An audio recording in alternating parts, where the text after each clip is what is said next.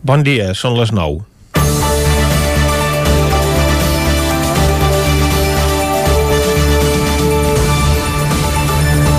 Aviat es compliran 10 anys del terratrèmol de Llorca que va sacsejar la regió de Múrcia i ara s'acaba de convertir també en l'epicentre d'un terratrèmol polític amb una onada expansiva que arriba molt més enllà. Ciudadanos sembla disposat a morir matant i ahir al matí presentava una moció de censura contra el Partit Popular, el seu soci de govern a Múrcia, amb el suport del PSOE, guanyador de les eleccions i amb el qual sumen majoria absoluta. Immediatament la maniobra es traslladava a Madrid, una altra comunitat on PP i Ciudadanos governen junts, igual que Andalusia i Castella i Lleó.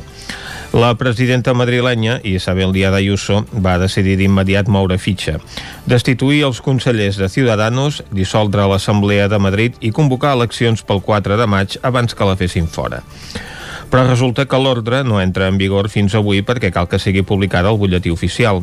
I prèviament, tant PSOE com també el que, que va ser el guanyador de les eleccions, com també Mas Madrid, havien presentat sengles mocions de censura. Ara s'obre un conflicte jurídic perquè no es poden convocar eleccions si s'ha presentat una moció de censura que la mesa de l'Assemblea ja ha admès a tràmit, o sigui que la resolució del cas establirà jurisprudència. L'acord entre PSOE i Ciudadanos a Múrcia arrenca a l'Ajuntament de la capital, de manera que Ciudadanos presidiria la regió, tot i ser la tercera força a molta distància de les dues primeres, i els socialistes tindrien l'alcaldia.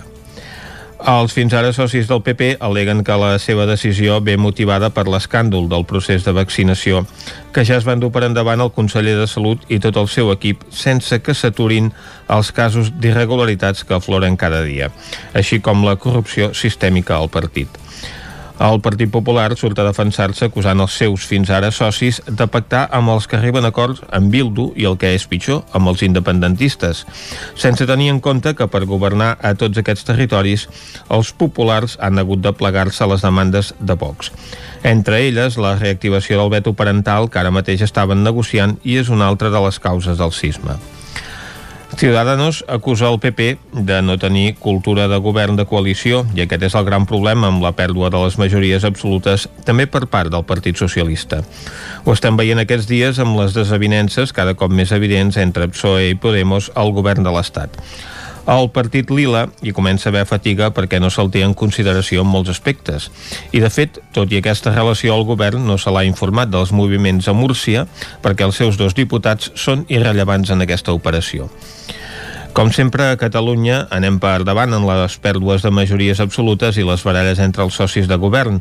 El tripartit, que va desplaçar Ciu del poder, va ser presentat com una olla de grills, mentre que ara, Junts per Catalunya i Esquerra Republicana han acabat com gat i gos. Ara bé, després de les eleccions que les seves desavinences van començar a precipitar, es veuen obligats a tornar-se a entendre sí o sí i en qüestió d'hores, perquè demà es constitueix el Parlament. Veurem què passa. Comencem Territori 17, a la sintonia del 9 FM, la veu de Sant Joan, Ona Codinenca, Ràdio Cardedeu i el 9 TV. Territori 17, amb Vicenç Vigues i Jordi Sunyer. Són les 9 i 3 minuts i mig del dijous, dia 11 de març de 2021. Comença aquí un nou Territori 17 que avui, com sempre, durant la primera hora us acostarà tota l'actualitat de les nostres comarques. Després, com que som dijous, doncs tindrem també avui cinema amb la Núria Lázaro, que ens parlarà dels Goya. També recuperarem la secció de paraules i curiositats del català amb Cristina Enfruns i acabarem al punt de les 12 del migdia amb el racó de pensar amb Maria López. Tot això i molt més des d'ara i fins al punt de les 12 i com sempre el que fem és arrencar tot fent un repàs a l'actualitat de les nostres comarques, les comarques del Ripollès, Osona, el Moianès i el Vallès Oriental.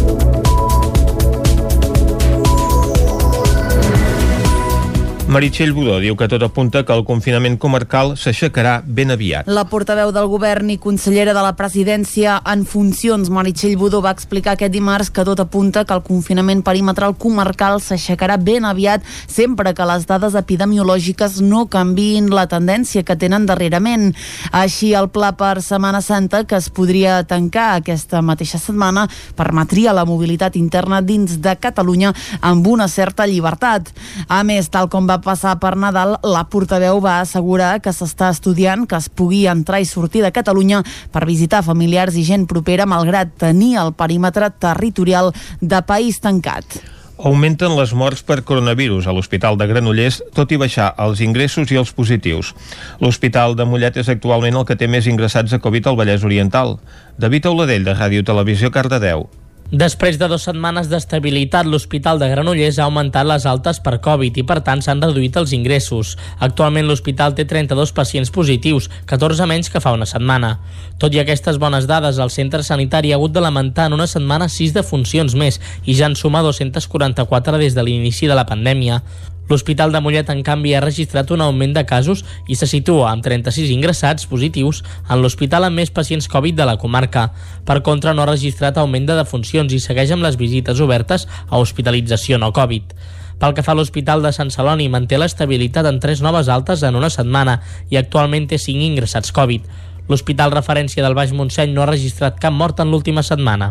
Per primer cop en el 2021, els hospitals d'Osona han aconseguit baixar de les 50 persones ingressades per Covid-19. Des del 30 de desembre, quan hi havia 45, no s'havia tornat a estar per sota del mig centenar. Tot i això, el descens és molt lent. En, el darrers, en els darrers 7 dies, els ingressats s'han reduït en 4 i han passat de 51 a 47. Tots 4 pacients són de l'Hospital Universitari de Vic, que ara té 42 ingressats, 16 dels quals a la unitat de cures intensives. A l'Hospital de la Santa Creu s'hi mantenen 5 ingressats, mentre que l'Hospital Sant, eh, Sant Jaume de Manlleu continua sense pacients amb infecció activa. Pel que fa a les dades del Departament de Salut, gairebé un any després del primer cas a Osona s'han superat els 16.000 contagis, dels quals 446 s'han detectat en els darrers 7 dies. Pel que fa a les defuncions, la xifra passa de 615 a 620, un augment de 5 persones. El número de vacunacions continua a bon ritme i en la darrera setmana s'ha posat la primera dosi a 2.054 persones més i ja hi ha 10.825 persones que l'han rebut. La segona dosi ja s'ha administrat a 4.300 persones, una xifra que de cara a les properes setmanes hauria d'augmentar notablement. Sant Feliu de Codines i Caldes de Montbui mostren xifres preocupants pel que fa a l'augment de contagis. La taxa de reproducció és gairebé de 3 punts a Sant Feliu i de 2 punts a Caldes. Caral Campàs, des d'Ona Codinenca. A Sant Feliu de Codines s'han diagnosticat una quarantena de casos les últimes dues setmanes. Avui l'índex de risc de rebrot és de més de 1.600 punts, que es qualifica com a molt alt i correspon a un augment d'uns 300 punts respecte a les xifres d'ahir. A tot això, la famosa R que indica la velocitat de propagació que té la Covid es troba ara a Sant Feliu a 2,92 punts, quan el recomanable és que es trobi per sota de l'1. La pròpia alcaldessa, Mercè Serratacó alertava de la situació ahir a l'entrevista del Territori 17. Davant la situació, el consistori ha emès un comunicat on informa que la majoria de contagis són de grups concrets i ja es troben aïllats. A més, demanen que s'evitin les concentracions de persones, encara que siguin a l'aire lliure, ja que diuen que gran part dels contagis s'han produït per acumulació de gent als caps de setmana a la Font dels Àlbers i a la plaça Josep Humbert. A Caldes, les xifres també són preocupants anys. Els últims 14 dies s'han detectat gairebé 90 casos diagnosticats amb PCR i test d'antígens. La R, que indica la velocitat de propagació de la malaltia, és més reduïda que a Sant Feliu. En el cas de la Vila Termal és de 2,03 punts. Tot i això, l'índex de risc de rebrot, de la mateixa manera que a Sant Feliu, a Caldes es qualifica de molt alt amb 949 punts. Les assemblees de la Creu Roja del Ripollès demanen ajuda econòmica als ajuntaments i que se'n facin socis. Isaac Muntades, des de la veu de Sant Joan. Les coordinadores de les assemblees de la Creu Roja a Ripoll i a la Vall de Camprodon, Sílvia Gallart i Isabel Pérez van intervenir al Consell d'Alcaldes i Alcaldesses per proposar als diversos ajuntaments del Ripollès que es fessin socis institucionals de l'entitat. Arran de la pandèmia, la Creu Roja ha hagut de fer front a una emergència social a través del Pla Respon, mobilitzant més persones, recursos i capacitats. De fet, han arribat a triplicar els béns entregats per cobrir les necessitats que anaven sorgint. Al Ripollès, les ajudes respecte al 2019 s'han multiplicat per 4 o 5. Gallart creu que la Creu Roja és una entitat força desconeguda a la comarca i va explicar que a través seu han arribat força diners a la comarca per donar ajudes. Aquestes activitats doncs, han portat a la comarca molts diners. A través de la Creu Roja, tant de Camprodon com de Ripoll, han arribat a la comarca unes 140.000 euros, repartits 100.000 d'ells amb targetes d'alimentació fresca per les famílies, 5.000 euros amb llet, 7.500 euros amb mascaretes, 7.500 euros també amb lloguer per ajudar persones amb risc d'exclusió residencial. Per tant, ja veieu que tot això ha portat també en aquests moments tan difícils per l'economia de la comarca doncs molts diners. La coordinadora de la Creu Roja de Ripoll va apuntar que les dues assemblees han patit problemes econòmics i que s'han quedat sense el transport adaptat als centres de dia. Derivat d'això, van haver de posar persones en un ERTO que encara dura. La intenció de les assemblees de la Creu Roja al Ripollès és reunir-se amb cadascun dels alcaldes per explicar què han fet al seu municipi i què volen fer per tal que se'n facin socis. Pérez es va encarregar d'enumerar una llarga llista d'accions dutes a terme per la Creu Roja el 2020. Hem anat a fer compres a supermercats i farmàcies per persones grans que vivien soles i que en una primera fase de la pandèmia estaven confinades i sempre que ho han necessitat. També hem fet seguiment telefònic igualment de més de 500 persones en el global de la comarca per comprovar el seu estat emocional i mirar de cobrir les seves necessitats. Hem fet repartiment d'aliments de manera domiciliària a les persones en situació de vulnerabilitat i hem fet també aprovisionament d'aliments al centre de distribució de la comarca i també en ajudar logísticament. Igualment hem fet entrega de targetes d'alimentació d'un total de, bueno, aproximadament més de 100 famílies de, de la comarca per comprar alimentació fresca entre altres coses, també van fer compres a supermercats i farmàcies per a persones grans que vivien soles i que no sortien al principi de la pandèmia o acompanyar-les al metge, repartir mascaretes o ajudar a pagar el lloguer de persones amb risc d'exclusió social. La gestació subrogada és un tema controvertit i alhora pot resultar complex si s'ha d'explicar als nens el seu origen. La taradellenca Lídia Momany ha editat La gallina Cluc-Cluc, un llibre il·lustrat que ho explica a través d'un conte. A banda de l'autora del llibre, a banda de ser l'autora del llibre, Momany també és la mare d'en Magí i de l'Estel, dos nens que van néixer per gestació subrogada. Els meus fills van néixer per gestació subrogada a Califòrnia a final del, del 2015 i des del primer moment vam tenir clar que els hi havíem d'explicar i que els hi havíem d'explicar de la millor manera possible perquè ells ho visquessin amb orgull i satisfacció. I un conte, que és la manera que tenen els nens de 4 o 5 anys d'entendre el món, creiem que era, que era una bona opció. La idea inicial era que el llibre fos només pels dos bessons, però quan van veure les il·lustracions de la pintora Isa Basset van pensar que podien editar-lo per ajudar a altres famílies a explicar aquesta problemàtica. Alhora també volen trencar prejudicis. Molt sovint fruit del desconeixement i que es barregen regulacions de diferents països i, i per tant hi ha molt prejudici, però aquest conte també pretén ajudar a, a trencar alguns d'aquests prejudicis. El conte està dedicat a la Magui, la seva gallina Cluc Cluc, amb qui segueixen mantenint bona relació i que esperen poder visitar San Diego molt aviat. De moment s'han editat 300 exemplars del conte que ja es pot trobar a les llibreries de la comarca. El Festival Clownia de Sant Joan se suspèn fins al 2022 i Charango enllesteix el disc del Gran Ball. Isaac Muntades des de la veu de Sant Joan. Per segon any consecutiu, el Festival Clàunia de Sant Joan de les Abadeses no es podrà celebrar per culpa de les restriccions imposades per la pandèmia de la Covid-19. Així doncs, els seus organitzadors van anunciar a través de les xarxes socials que se suspèn i passarà a celebrar-se els dies 23, 24, 25 i 26 de juny de l'any 2022 per intentar gaudir del certamen amb la màxima normalitat possible. Des de l'organització han vist que resultava impossible poder mantenir l'esperit familiar i festiu del Clàunia, la filosofia dels diversos escenaris en programació coral i enllaçada, oferir el servei d'acampada lliure i garantir la cabuda a totes les persones que havien exaurit les entrades en poques hores, alhora que es garantien les mesures del Procicat. De fet, pocs dies abans de la decisió definitiva, el cantant Sant Joaní de Xarango, Olga Miquel, ja pràcticament confirmava en una entrevista a la veu de Sant Joan que haurien d'esperar un any més. Una situació molt, molt complicada eh, aquest any.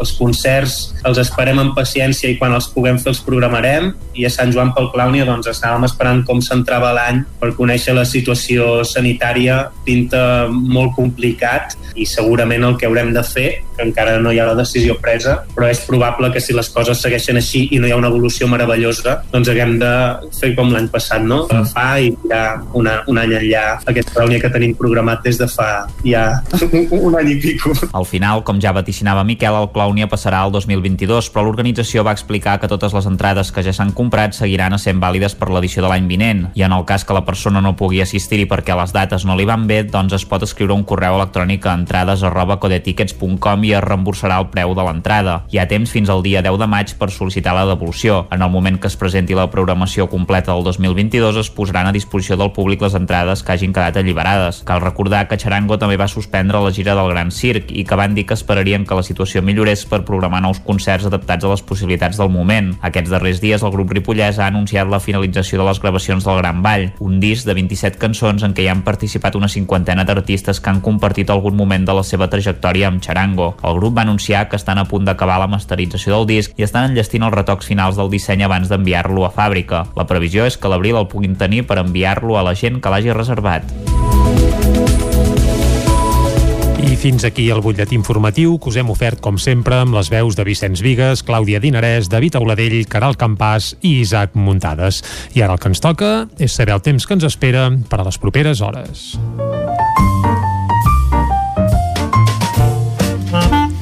Casa Terradellos us ofereix el temps. Bé, abans de saludar en Pep Acosta, el que hem d'explicar és que no anirà a Montserrat eh, de genolls i conill, com Exacte. havia aventurat ahir que faria en cas que el Barça superés l'eliminatòria de Champions amb el PSG. Jo crec que va patir una mica, eh? perquè la primera part es va acabar amb 1 a 1, com havia passat també a, al camp del Barça, i a la segona tres golets. eh, El Barça va fer un bon partit fer, no? i haguessin pogut, eh, haguessin pogut caure. Però bé, de moment en Pep s'ha estalviat uh, amb tres bolets tampoc n'hi havia prou perquè en total s'empatava l'eliminatòria i per tant havíem d'anar a la pròrroga. quan s'empata la inèrcia fa que en el pròrrogo penals la cosa hagués caigut pel seu propi pes però Pep, no pateixis, no hauràs d'anar a Montserrat de genolls i conills sinó que el que hauràs de fer és explicar-nos com sempre el temps i, i prou, va, bon dia Pep eh? Molt bon dia. Molt bon dia, molt bon Benvinguts a l'Espai del Temps. Gràcies, ja gràcies. estem aquí, un dia més, eh, tot a punt Doncs va. per dir-vos quin temps farà. doncs anem-hi Primer de tot, per això, i és més fàcil sempre, una petita mirada al passat, al dia d'ahir. Ahir ja va ser un dia amb cel clar, eh, sol, mm, per fi, després de molts dies, a totes les comarques, jo diria que va fer un dia ja gairebé de primavera, eh? ja fa olor de primavera per tots costats, i ahir es va constatar això, que la tenim ja a a la tocar cantonada sí, sí, sí. unes temperatures màximes entre els 15 i els 19 graus i molt contrast, molt contrast entre el dia i la nit.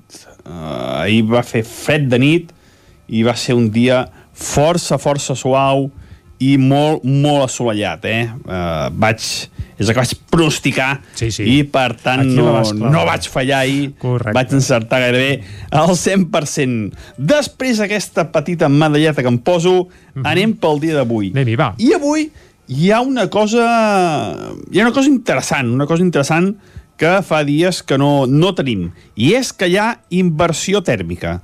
La petita entrada d'aire fred eh, s'ha acabat, la injecció de vent de nord s'ha acabat, i això es nota sobretot amb les temperatures d'aquest matí. Són més baixes a les valls que no pas a alta muntanya. Per exemple, hem tingut 2-3 graus de mínima a Vilabrau i a Puig de Solles 6-7. I un altre exemple, hem tingut 2 graus de mínima a Baiter i a Sant Pau de Segúries entre 1 sota 0 i 0 graus. Uh -huh.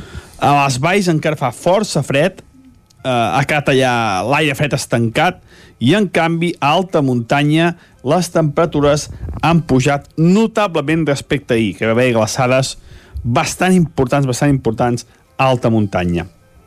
Avui serà un dia molt tranquil. Tindrem algunes bandes de núvols alts eh, que estan associats a un front càlid, però no deixaran cap mena de precipitació. És un front càlid que procedeix de l'oest de Península Ibèrica, eh, sí que deixarà precipitacions cap allà, cap al Cantàbric, a França, també forces precipitacions, uh -huh. però aquí arriba molt desgastat i no hi ha cap possibilitat de que pugui ploure. Mm, Només hi haurà algun, això com deia, algun núvol alt, molt poca, molt poca variació amb el temps. Serà un dia molt, molt tranquil. I una cosa a destacar, va, quina? molt destacable, Uh -huh. la pujada de les temperatures. Atenció a les màximes, la majoria entre els 16, 17, 21, 22 graus. Ah, serà notable aquesta pujada de temperatura sota el, el prelitoral, on les temperatures eh, superaran els 20 graus amb bastanta facilitat. Eh, un dia ja veieu eh, primaveral, amb les temperatures màximes, i és que ja tenim moltes hores de sol, mm, avui hi ha pocs núvols, cap antena vent de nord, eh, per tant aquesta primavera que es comença a notar ja per tots cantons, i avui serà un, mig, un migdia del tot primaveral, molt, molt suau a les nostres comarques. Uh -huh. A disfrutar aquest dijous, d'aquest ambient gairebé càlid al migdia uh -huh. i una mica fresc a aquestes hores, però que ràpidament ja veureu com la temperatura va pujant. Moltes gràcies i demà expliquem el temps al cap de setmana uh -huh. que no tindrà res a veure amb el temps d'avui. Ara pla. Adeu, fins demà. Carai, i en Pep ja ens diu que el cap de setmana pinta magre, vaja, que no serà primaveral, però ens ho detallarà demà. Moltes gràcies, Pep. Uh, anem cap al quiosc. Anem-hi. No? Anem-hi. Casa Tarradellas us ha ofert aquest espai. Territori 17. Envia'ns les teves notes de veu per WhatsApp al 646 079 023. 646 079 023. WhatsApp Territori 17.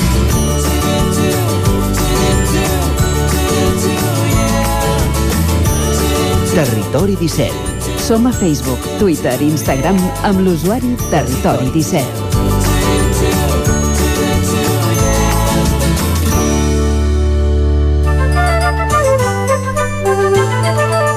Anem, doncs, cap al quiosc a veure què treuen en portada els diaris d'avui, Clàudia. Bon dia de nou. Comencem, com sempre, amb el punt avui que diu contrarrellotge. Junts creu que li pertoca la presidència del Parlament i no vol negociar. L'Esquerra i la CUP, per la seva banda, retreuen els de Puigdemont que no detallin la seva proposta. A la imatge, Maria Barbal, Premi d'Honor de les Lletres Catalanes, l'autora de Pedra de Tartera, reconeguda per haver creat un espai literari i una veu pròpia. Aquí ja es fan ressò de la notícia del dia, terratrèmol polític a l'Estat per tren pel trencament entre PP i Ciutadans. Anem al diari Ara, que ja obre amb la imatge d'Ayuso, diu la guerra PP-Ciutadans fa esclatar el govern d'Ayuso. La presidenta madrilenya convoca eleccions i l'esquerra contraataca amb una moció de censura. A l'altra imatge de la portada, Premi a la Perseverança. Estem parlant de Maria Barbà, l'autora, com dèiem, de l'emblemàtica novel·la Pedra de Tartera. Nokia i Sony tampoc seran presencialment al Mobile de l'estiu, és un altre dels titulars de l'Ara, que en esports diu el Barça planta cara al PSG i s'acomiada amb dignitat de la Champions. El periòdico Sisma a la dreta després del gir de Ciutadans. Ciutadans deixa caure el PP a Múrcia i convoca la descomposició de la seva aliança a tres amb Vox. En esports i a la imatge apareix Leo Messi, diu no va poder ser. El Futbol Club Barcelona s'acomiada de la Champions amb el cap ben alt després d'empatar fora de casa amb el PSG. I la mesa del Parlament pendent de la decisió de Junts per Catalunya sobre Borràs. Anem a l'avantguàrdia que diu Ciutadans trenca amb el Partit Popular i provoca un terratrèmol a Madrid i altres autonomies. El gir d'Inés Arrimadas cap al PSOE a Múrcia i Rita Casado que veu més difícil unir al centre-dreta. Més titulars, Setmana Santa, tancament autonòmic i només es permetrà reunir a casa convivents i el ciberatac el CP paralitza 200.000 gestions. Anem a veure com veuen aquest rebastall polític a la premsa de Madrid. Comencem amb el país que diu Ciutadans trenca el taulell. Ayuso convoca eleccions a Madrid el 4 de maig i l'oposició presenta dues mocions de censura. Arrimadas guanya eh, pel seu partit la primera presidència regional, la de Múrcia, però assumeix un gran risc. Pel que fa a la Covid-19, Madrid es nega a tancar com ho farà la resta la península. Anem al Mundo, que diu Ayuso crida les urnes davant la maniobra de Sánchez i d'Arrimades. Arrimades ignora, diu, els pesos pesats de Ciutadans en el seu repte al Partit Popular. I pel que fa a Setmana Santa, diu prohibits els viatges tret dels estrangers que arribin per via aèria. Amb aquest titular saltem a la Razón, que diu Sánchez obre la via a Arrimades i dinamita les aliances del Partit Popular. Presenten una moció de censura a Múrcia Sánchez dins d'un pla per ocupar el centre i rebaixar el pes de Podemos. Ayuso va a eleccions i l'oposició busca una fórmula per frenar-les i una pregunta que es formula Casado diu qui al volant Casado juga eh, es juga el lideratge el 4 de maig, el dia de les eleccions. Acabem, com sempre, amb l'ABC, que diu Arrimadas s'entrega al PSOE i Ayuso el repte amb eleccions. La moció de censura a Múrcia precipita la ruptura del Partit Popular amb Ciutadans a Madrid per frenar l'assalt de l'esquerra al poder regional sense passar per les urnes. Dos titulars més i acabem. Ciutadans es divideix davant del gir del seu líder i Casado busca oblidar el fiasco a Catalunya. Diferents lectures, doncs, a aquesta situació política a la premsa madrilenya, l'ABC i la Razón que surten amb la mateixa fotografia de la presidenta de la comunitat. Uns ho presenten com un pols entre Ayuso i Arrimadas, eh, d'altres, doncs, com el Mundo a la Razón, culpen a Pedro Sánchez d'aquesta situació. El país eh, focalitza més el seu titular amb Ciudadanos. També apareix com a fotografia destacada de l'avantguàrdia, la presidenta madrilenya sostenint un Goya no sabem quin Goya és, si els millors efectes especials, el millor guió adaptat, però també és protagonista de la portada de la Vanguardia, mentre que els eh, diaris Ara i el Punt Avui doncs, capitalitzen la seva fotografia de portada amb Maria Barbal, nou Premi d'Honor de les Lletres Catalanes. I si et sembla, Jordi, podem repassar també titulars de la premsa esportiva avui, tant, ja que... Ja el... que hi va haver, bé, eliminació del Barça a la Champions, però almenys amb el cap ben alt, eh? I tant que sí. Uh -huh. I així ho destaquen Mundo Deportivo i Esport amb el mateix titular, amb honor. Bé. Uh -huh. A l'esportiu el titular és tot menys el gol. Si anem a França, l'equip titula El Messies és Navas. Mm, Keylor Navas, porter del PSG, que ahir va fer un recital. Un joc de paraules, efectivament, se'l veu aquí aturant eh, pilota durant el partit i eh, a la premsa doncs, de Madrid amb orgull no n'hi ha prou el titular de l'AS, el marca es fixa en el partit de l'Atlètic de Madrid. Més 6 i més 8 és el seu titular de portada. Bé, uh, cal dir que ahir l'Atlètic de Madrid tenia un partit pendent encara, el va fer, el va jugar i el va guanyar 2 a 1, per tant, ara almenys ja tothom té els mateixos partits disputats al capdamunt de la Lliga de Futbol espanyola. Exacte, doncs després d'aquest repàs a la premsa d'avui el que fem ara és tancar aquest bloc informatiu. El nou FM, la ràdio de casa, al 92.8. Pepeta Vilaró, menjar a domicili per a gent gran. Menús saludables i adaptats segons les seves necessitats, per viure més temps a casa amb millor salut i qualitat de vida. Informa-te'n al 931 31 71 81 o a pepetavilaró.cat. Pepeta Vilaró, la salut i el benestar dels nostres avis comença per cuidar el que mengen. A Vic, T52, un taller d'emocions. Una celebració, un reconeixement, un record, la victòria, el premi. Tenim una solució personalitzada per a cada ocasió. Ens trobaràs al centre, al carrer 941 i també a l'Horta Vermella, al carrer Menéndez Pelayo 31. Més informació a t52.cat. Semblava impossible tenir veu, estudiar, treballar. Semblava impossible decidir sobre els nostres cossos. Semblava impossible tenir els mateixos drets. I a tu, què et sembla impossible? 8 de març, Dia Internacional de les Dones. Fèiem, fem i farem polítiques feministes. Diputació de Barcelona. El restaurant El Racó de León no s'oblida dels seus clients en aquests temps difícils i us ofereix els vostres plats preferits per emportar. Reserves al telèfon 93 889 1950. Obrim amb el 30% d'aforament. Disposem de menjador i terrassa amb totes les mesures de seguretat.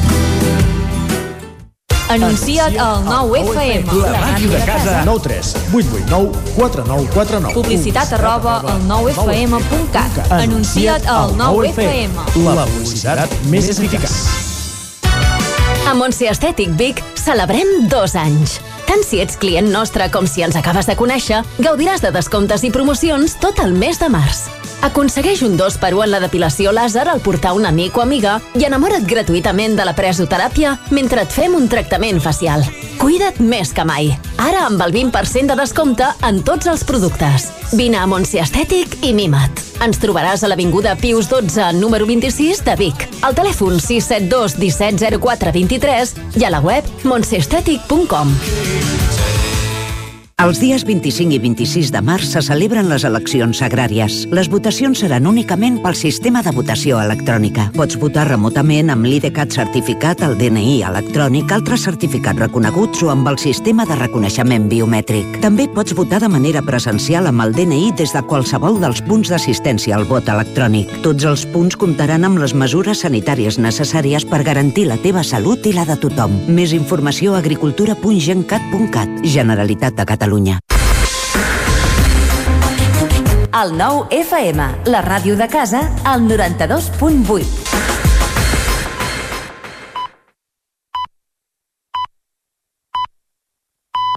Territori 17, amb Vicenç Vigues i Jordi Sunyer.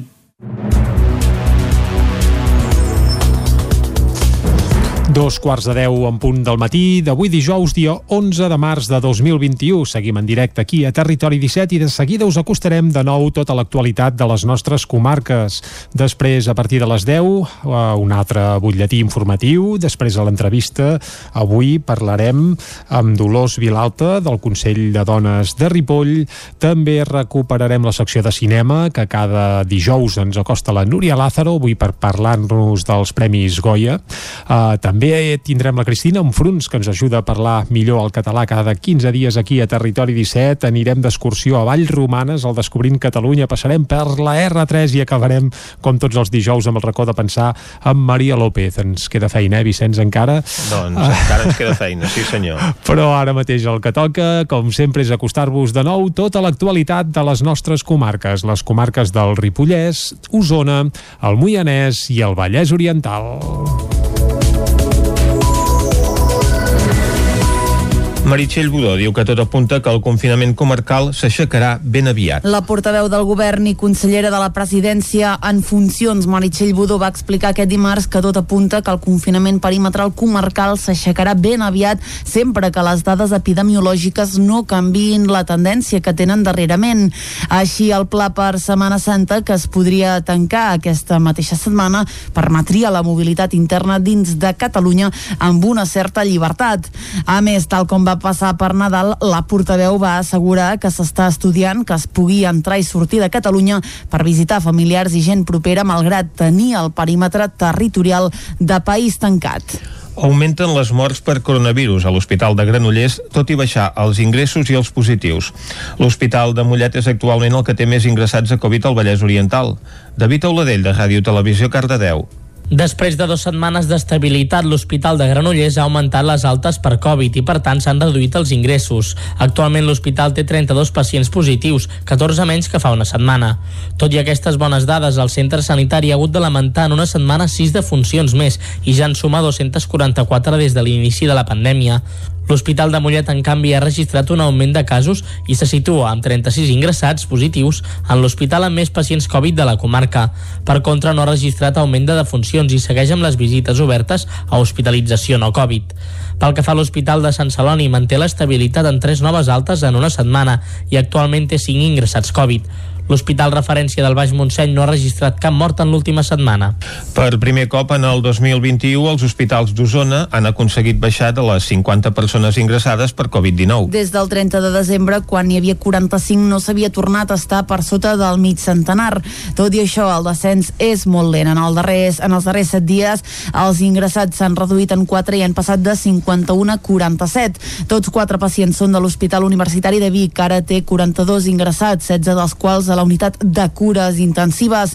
A l'Hospital de la Santa Creu s'hi mantenen 5 ingressats, mentre que l'Hospital Sant, eh, Sant Jaume de Manlleu continua sense pacients amb infecció activa. Pel que fa a les dades del Departament de Salut, gairebé un any després del primer cas a Osona s'han superat els 16.000 contagis, dels quals 446 s'han detectat en els darrers 7 dies. Pel que fa a les defuncions, la xifra passa de 615 a 620, un augment de 5 persones. El número de vacunacions continua a bon ritme i en la darrera setmana s'ha posat la primera dosi a 2.054 persones més i ja hi ha 10.825 persones que l'han rebut. La segona dosi ja s'ha administrat a 4.300 persones, una xifra que de cara a les properes setmanes hauria d'augmentar notablement. Sant Feliu de Codines i Caldes de Montbui mostren xifres preocupants pel que fa a l'augment de contagis. La taxa de reproducció és gairebé de 3 punts a Sant Feliu i de 2 punts a Caldes. Caral Campàs és d'Ona Codinenca. A Sant Feliu de Codines s'han diagnosticat una quarantena de casos les últimes dues setmanes. Avui l'índex de risc de rebrot és de més de 1.600 punts, que es qualifica com a molt alt i correspon a un augment d'uns 300 punts respecte a les xifres d'ahir. A tot això, la famosa R que indica la velocitat de propagació que té la Covid es troba ara a Sant Feliu a 2,92 punts, quan el recomanable és que es trobi per sota de l'1. La pròpia alcaldessa Mercè Serratacó alertava de la situació ahir a l'entrevista del Territori 17. Davant la situació, el consistori ha emès un comunicat on informa que la majoria de contagis són de grups concrets i ja es troben aïllats.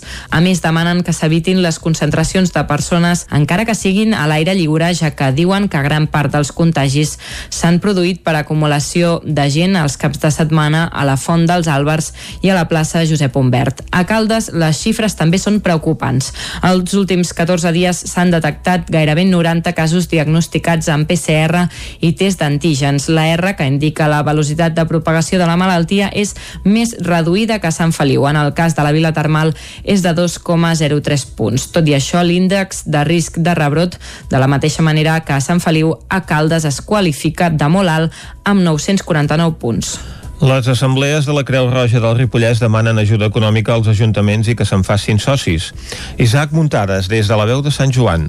Les coordinadores de les assemblees de la Creu Roja a Ripoll i a la Vall de Camprodon, Sílvia Gallart i Isabel Pérez van intervenir al Consell d'Alcaldes i Alcaldesses per proposar als diversos ajuntaments del Ripollès que es fessin socis institucionals de l'entitat. Arran de la pandèmia, la Creu Roja ha hagut de fer front a una emergència social a través del Pla Respon, mobilitzant més persones, recursos i capacitats. De fet, han arribat a triplicar els béns entregats per cobrir les necessitats que anaven sorgint. Al Ripollès, les ajudes respecte al 2019 s'han multiplicat per 4 o 5. Gallart creu que la Creu Roja és una entitat força desconeguda a la comarca i va explicar que a través seu han arribat força diners a la comarca per donar ajudes. Aquestes activitats doncs, han portat a la comarca molts diners. A través de la Creu Roja, tant de Camprodon com de Ripoll, han arribat a la comarca unes 140.000 euros, repartits 100.000 d'ells amb targetes d'alimentació fresca per les famílies, 5.000 euros amb llet, 7.500 euros amb mascaretes, 7.500 euros també amb lloguer per ajudar persones en risc d'exclusió residencial. Per tant, ja veieu que tot això ha portat també en aquests moments tan difícils per l'economia de la comarca doncs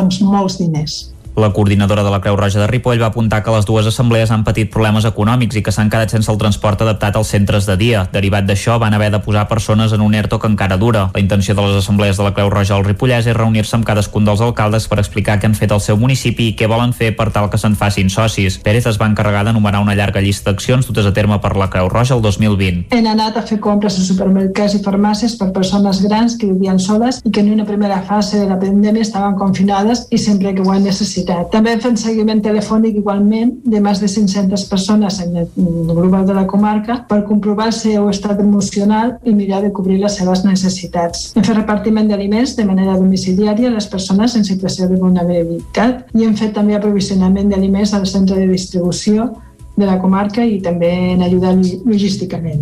Igualment hem fet entrega de targetes d'alimentació d'un total de, bueno, aproximadament més de 100 famílies de, de la comarca per comprar alimentació fresca entre altres coses, també van fer compres a supermercats i farmàcies per a persones grans que vivien soles i que no sortien al principi de la pandèmia o acompanyar-les al metge, repartir mascaretes o ajudar a pagar el lloguer de persones en risc d'exclusió social. La gestació subrogada és un tema controvertit i alhora pot resultar complex si s'ha d'explicar als nens el seu origen. La taradellenca Lídia Momany ha editat La gallina Cluc-Cluc, un llibre il·lustrat que ho explica a través d'un conte. A banda de l'autora del llibre, a banda de ser l'autora del llibre, Momany també és la mare d'en Magí i de l'Estel, dos nens que van néixer per gestació subrogada. Els meus fills van néixer per gestació subrogada a Califòrnia a final del, del 2015 i des del primer moment vam tenir clar que els hi havíem d'explicar i que els hi havíem d'explicar de la millor manera possible perquè ells ho visquessin amb orgull i satisfacció. I un conte, que és la manera que tenen els nens de 4 o 5 anys d'entendre el món, creiem que era, que era una bona opció. La idea inicial era que el llibre fos només pels dos bessons, però quan van veure les il·lustracions de la pintora Isa Basset van pensar que podien editar-lo per ajudar a altres famílies a explicar aquesta problemàtica. Alhora també volen trencar prejudicis. Molt sovint fruit del desconeixement i que es barregen regulacions de diferents països i, i per tant hi ha molt prejudici, però aquest conte també pretén ajudar a, a trencar alguns d'aquests prejudicis. El conte està dedicat a la Magui, la seva gallina Cluc Cluc, amb qui segueixen mantenint bona relació i que esperen poder visitar San Diego molt aviat. De moment s'han editat 300 exemplars del conte que ja es pot trobar a les llibreries de la comarca. El Festival Clownia de Sant Joan se suspèn fins al 2022 i Charango enllesteix el disc del Gran Ball. Isaac Muntades des de la veu de Sant Joan. Per segon any consecutiu, el Festival Clàunia de Sant Joan de les Abadeses no es podrà celebrar per culpa de les restriccions imposades per la pandèmia de la Covid-19. Així doncs, els seus organitzadors van anunciar a través de les xarxes socials que se suspèn i passarà a celebrar-se els dies 23, 24, 25 i 26 de juny de l'any 2022 per intentar gaudir del certamen amb la màxima normalitat possible. Des de l'organització han vist que resultava impossible poder mantenir l'esperit familiar i festiu del Clàunia, la filosofia dels diversos escenaris en programació coral i enllaçada, oferir el servei d'acampada lliure i garantir la cabuda a totes les persones que havien exaurit les entrades en poques hores, alhora que es garantien les mesures del Procicat. De fet, pocs dies abans de la decisió definitiva, el cantant Sant Joaní de Charango, Olga Miquel, ja pràcticament confirmava en una entrevista a la veu de Sant Joan que haurien d'esperar un any més. Una situació molt, molt complicada eh, aquest any. Els concerts els esperem amb paciència i quan els puguem fer els programarem i a Sant Joan pel Clàunia doncs estàvem esperant com s'entrava l'any per conèixer la situació sanitària pinta molt complicat i segurament el que haurem de fer, que encara no hi ha la decisió presa, però és probable que si les coses segueixen així i no hi ha una evolució meravellosa, doncs haguem de fer com l'any passat, no? Fa i ja una, un any enllà aquesta reunió que tenim programat des de fa ja un any i pico. Al final, com ja vaticinava Miquel, el Clownia passarà al 2022, però l'organització va explicar que totes les entrades que ja s'han comprat seguiran sent vàlides per l'edició de l'any vinent, i en el cas que la persona no pugui assistir-hi perquè les dates no li van bé, doncs es pot escriure un correu electrònic a entrades arroba codetickets.com i es reemborsarà el preu de l'entrada. Hi ha temps fins al dia 10 de maig per sol·licitar la devolució. En el moment que es presenti la programació completa del 2022 es posaran a disposició del públic les entrades que hagin quedat alliberades. Cal recordar que Charango també va suspendre la gira del Gran Circ i que van dir que esperarien que la situació millorés per programar nous concerts adaptats a les possibilitats del moment. Aquests darrers dies el grup Ripollès ha anunciat la finalització de les gravacions del Gran Ball, un disc de 27 cançons en què hi han participat una cinquantena d'artistes que han compartit algun moment de la seva trajectòria amb Charango. El grup va anunciar que estan a punt d'acabar la masterització del disc i estan enllestint els retocs finals del disseny abans d'enviar-lo a fàbrica. La previsió és que l'abril el puguin tenir per enviar-lo a la gent que l'hagi reservat. I fins aquí el butlletí informatiu que us hem ofert, com sempre, amb les veus de Vicenç Vigues, Clàudia Dinarès, David Auladell, Caral Campàs i Isaac Muntades. I ara el que ens toca és saber el temps que ens espera per a les properes hores.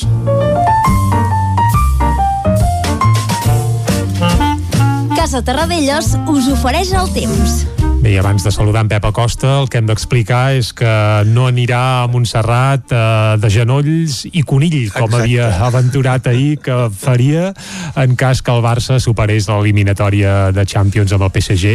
Jo crec que va patir una mica, eh? perquè a la primera part es va acabar amb 1 a 1, com havia passat també a, al camp del Barça, i a la segona, tres golets, eh, el Barça va fer un bon partit fer, no? i haguessin pogut, eh, haguessin pogut caure. Però bé, de moment en Pep s'ha estalviat uh, Amb bolets tampoc n'hi havia prou perquè en total Vaja. s'empatava l'eliminatòria i per tant havíem d'anar a la pròrroga. quan s'empata la inèrcia fa que en el pròrroga penals la cosa hagués caigut pel seu propi pes però Pep, no pateixis, no hauràs d'anar a Montserrat de genolls i conills sinó que el que hauràs de fer és explicar-nos com sempre el temps i, i prou, va, bon dia Pep eh? Molt bon dia. Molt bon dia, molt bon Benvinguts a l'Espai del Temps. Gràcies, ja gràcies. estem aquí, un dia més, eh, tot a punt Doncs va. per dir-vos quin temps farà. doncs anem-hi Primer de tot, per això, i és més fàcil sempre, una petita mirada al passat, al dia d'ahir. Ahir ja va ser un dia amb cel clar, eh, sol, mm, per fi, després de molts dies, a totes les comarques, jo diria que va fer un dia ja gairebé de primavera, eh? ja fa olor de primavera per tots costats i ahir es va constatar això, que la tenim ja a, A la tocar. cantonada, sí, sí, sí. Unes temperatures màximes entre els 15 i els 19 graus i molt contrast, molt contrast entre el dia i la nit. Uh, ahir va fer fred de nit i va ser un dia força, força suau i molt, molt assolellat, eh? Uh, vaig, és el que vaig pronosticar sí, sí. i per tant Aquí no, vas no vaig fallar ahir Correcte. vaig encertar gairebé al 100%. Després d'aquesta petita medalleta que em poso, anem pel dia d'avui. Anem-hi, va. I avui hi ha una cosa hi ha una cosa interessant, una cosa interessant que fa dies que no, no tenim, i és que hi ha inversió tèrmica. La petita entrada d'aire fred eh, s'ha acabat, la injecció de vent de nord s'ha acabat, i això es nota sobretot amb les temperatures d'aquest matí. Són més baixes a les valls que no pas a alta muntanya. Per exemple, hem tingut 2-3 graus de mínima a Vilabrau i a Puig de Solles 6-7. I un altre exemple, hem tingut 2 graus de mínima a Baiter i a Sant Pau de Segúries entre un sota 0 i 0 graus. Uh -huh. A les valls encara fa força fred, eh, a allà l'aire fred estancat i en canvi a alta muntanya les temperatures han pujat notablement respecte a ahir, que va haver glaçades bastant importants, bastant importants a alta muntanya. Avui serà un dia molt tranquil. Tindrem algunes bandes de núvols alts eh, que estan associats a un front càlid, però no deixaran cap mena de precipitació. És un front càlid que procedeix de l'oest de Península Ibèrica, eh, sí que deixarà precipitacions cap allà, cap al Cantàbric, a França, també força precipitacions, uh -huh. però aquí arriba molt desgastat i no hi ha cap possibilitat de que pugui ploure. Mm, Només hi haurà algun, això com deia, algun núvol alt, molt poca, molt poca variació amb el temps. Serà un dia molt, molt tranquil. I una cosa a destacar, Va, quina? molt destacable, Uh -huh. la pujada de les temperatures. Atenció a les màximes, la majoria entre els 16, 17, 21, 22 graus. Ah, Serà notable aquesta pujada de temperatura sobretot al, al prelitoral, on les temperatures eh, superaran els 20 graus amb bastanta facilitat. Eh, un dia, ja veieu, eh, primaveral, amb les temperatures màximes, i és que ja tenim moltes hores de sol, mm, avui hi ha pocs núvols, cap entrada vent de nord, eh, per tant aquesta primavera que es comença a notar ja per tots cantons i avui serà un, mig, un migdia del tot primaveral, molt, molt suau a les nostres comarques. Uh -huh. A disfrutar aquest dijous, Mhm. d'aquest ambient gairebé càlid al migdia uh -huh. i una mica fresc a aquestes hores, però que ràpidament ja veureu com la temperatura va pujant. Moltes gràcies i demà expliquem el temps al cap de setmana uh -huh. que no tindrà res a veure amb el temps d'avui. Ara pla. Adeu, fins demà. Carai, ja en Pep ja ens diu que el cap de setmana pinta magre, vaja, que no serà primaveral, però ens ho detallarà demà. Moltes gràcies, Pep. Uh, anem cap al quiosc. Anem-hi. No? Anem-hi. Casa Tarradellas us ha ofert aquest espai. Territori 17. Envia'ns les teves notes de veu per WhatsApp al 646 079 023. 646 079 023. WhatsApp Territori 17.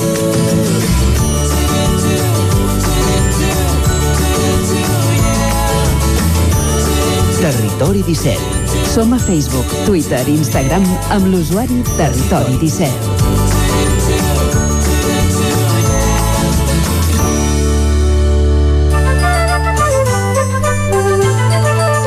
Anem, doncs, cap al quiosc a veure què treuen en portada als diaris d'avui, Clàudia. Bon dia de nou, comencem com sempre amb el punt avui que diu contrarrellotge. Junts creu que li pertoca la presidència del Parlament i no vol negociar l'esquerra i la CUP per la seva banda retreuen els de Puigdemont que no detallin la seva proposta. A la imatge Maria Barbà, el Premi d'Honor de les Lletres Catalanes, l'autora de Pedra de Tartera, reconeguda per haver creat un espai literari i una veu pròpia. Aquí ja es fan ressò de la notícia del dia, terratrèmol polític a l'Estat per tren pel trencament entre PP i Ciutadans. Anem al diari Ara, que ja obre amb la imatge d'Ayuso, diu la guerra PP-Ciutadans fa esclatar el govern d'Ayuso. La presidenta madrilenya convoca eleccions i l'esquerra contraataca amb una moció de censura. A l'altra imatge de la portada, Premi a la Perseverança. Estem parlant de Maria Barbà, l'autora, com dèiem, de l'emblemàtica novel·la Pedra de Tartera. Nokia i Sony tampoc seran presencialment al Mobile de l'estiu, és un altre dels titulars de l'Ara, que en esports diu el Barça planta cara al PSG i s'acomiada amb dignitat de la Champions. El periòdico Sisma a la dreta després del gir de Ciutadans. Ciutadans deixa caure el PP a Múrcia i convoca la descomposició de la seva aliança a tres amb Vox. En esports i a la imatge apareix Leo Messi, diu no va poder ser. El Futbol Club Barcelona s'acomiada de la Champions amb el cap ben alt després d'empatar fora de casa amb el PSG. I la mesa del Parlament pendent de la decisió de Junts per Catalunya sobre Borràs. Anem a l'avantguàrdia que diu Ciutadans trenca amb el Partit Popular i provoca un terratrèmol a Madrid i altres autonomies. El gir d'Inés Arrimadas cap al PSOE a Múrcia i Rita Casado que veu més difícil unir al centre-dreta. Més titulars, Setmana Santa, tancament autonòmic i només es permetrà reunir a casa convivents i el ciberatac al CP paralitza 200.000 gestions.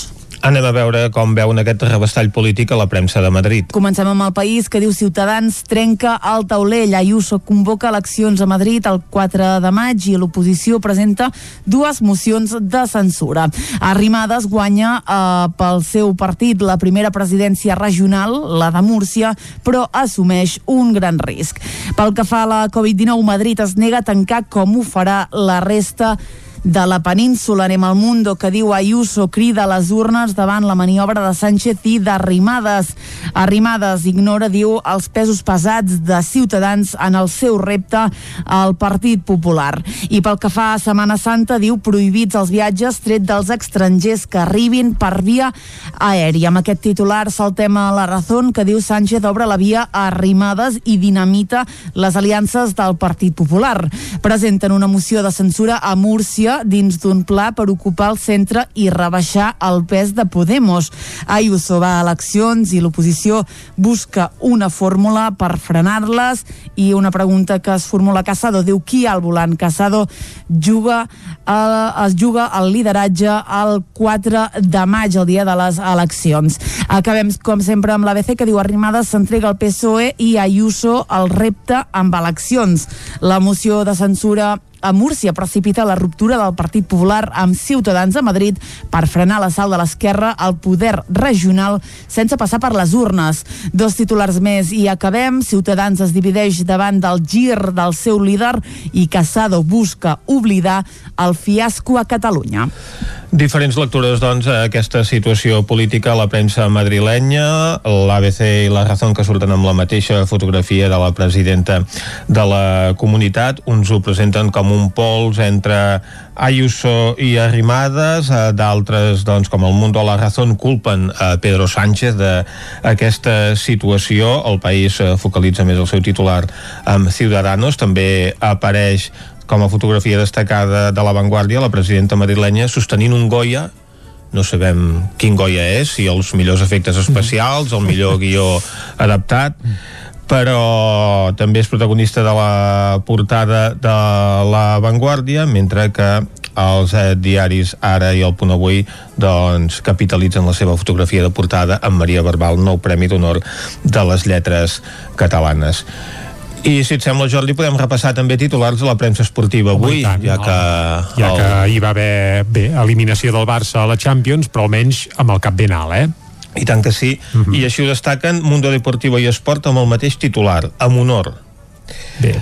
Uh -huh. A l'esportiu el titular és tot menys el gol. Si anem a França, l'equip titula El Messias és Navas.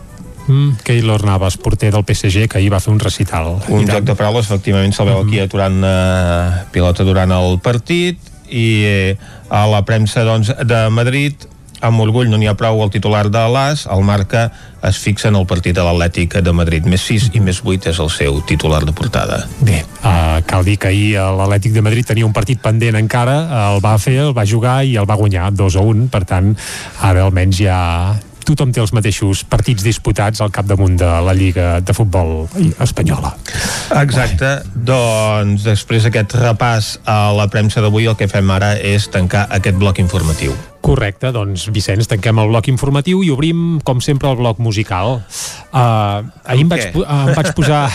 Anava a dir, ens vam posar deures ahir sí. i vam dir que escoltaríem el nou disc de l'Eudal Palma, però, però ho farem demà Uh, ho farem demà perquè així recordarem que dissabte, és a dir, demà, uh, quan siguem divendres, demà serà dissabte, doncs el presenta en directe a Borgunyà i avui tenim una estrena d'aquelles mundials que ens fa molta il·lusió, eh? veure, uh, I és de la Joana Serrat. Uh -huh. La Joana Serrat, uh, bigatana, uh, uh, i segurament és ara mateix l'artista femenina catalana més internacional que tenim, i això sona, sí, home, seguríssim, uh, uh de noms, algun altre. La Joana, el seu últim disc el van a gravar als Estats Units, ha tocat arreu del món els principals eh, festivals, sobretot de música eh, folk i americana, i ja fa temps que s'ha fet un nom sobretot en aquest àmbit, eh, de la música d'arrel, això, yankee, -huh. i la veritat és que bé, ho està rebentant a la meitat dels llocs on va, i la Joana, doncs cal dir que el proper dia 11 de juny publicarà el seu cinquè disc ja en solitari. Aquest cinquè disc es titularà Hardcore from the Heart i eh, té un primer single que estrenarem avui mateix aquí a Territori 17. Molt bé. Uh, la cançó és Pictures, pintures i uh -huh. atenció perquè aquest disc l'ha anat a gravar a Denton, a Texas Carai. per tant no s'hi ha posat per poc No. ho ha tornat a fer al costat de patums que han tocat amb gent, bé, fins i tot que han treballat amb gent com Rolling Stones per exemple, uh -huh. és a dir que s'han voltat d'una banda de músics eh, d'autèntic luxe, tots nord-americans per gravar aquest treball, un treball que per cert es presentarà d'aquí ben poc amb un primer concert a Badalona i que després doncs, començarà a rodar arreu, arreu del món Escoltem ara, si et sembla, doncs la primera de les peces que es coneix del cinquè disc de la Joana Serrat, aquest Pictures, que estrenem aquí a Territori 17, recordant que el proper 11 de juny es publicarà el cinquè disc ja de la Joana Serrat un cinquè disc que, per cert, l'editarà un segell anglès que es diu Luz, sota, bé, sota el paraigua de, de Great Canyon Records, que és el segell una mica de la Joana, però va, cal dir que s'editarà a tot el món en format físic, doncs, en teoria des de- des d'Anglaterra. De, Molt bé. doncs escoltem com sona el Escoltem més nou a de la Joana Serrat i amb això arribarem fins al punt de les 10 aquí a Territori 17. Salut! Naive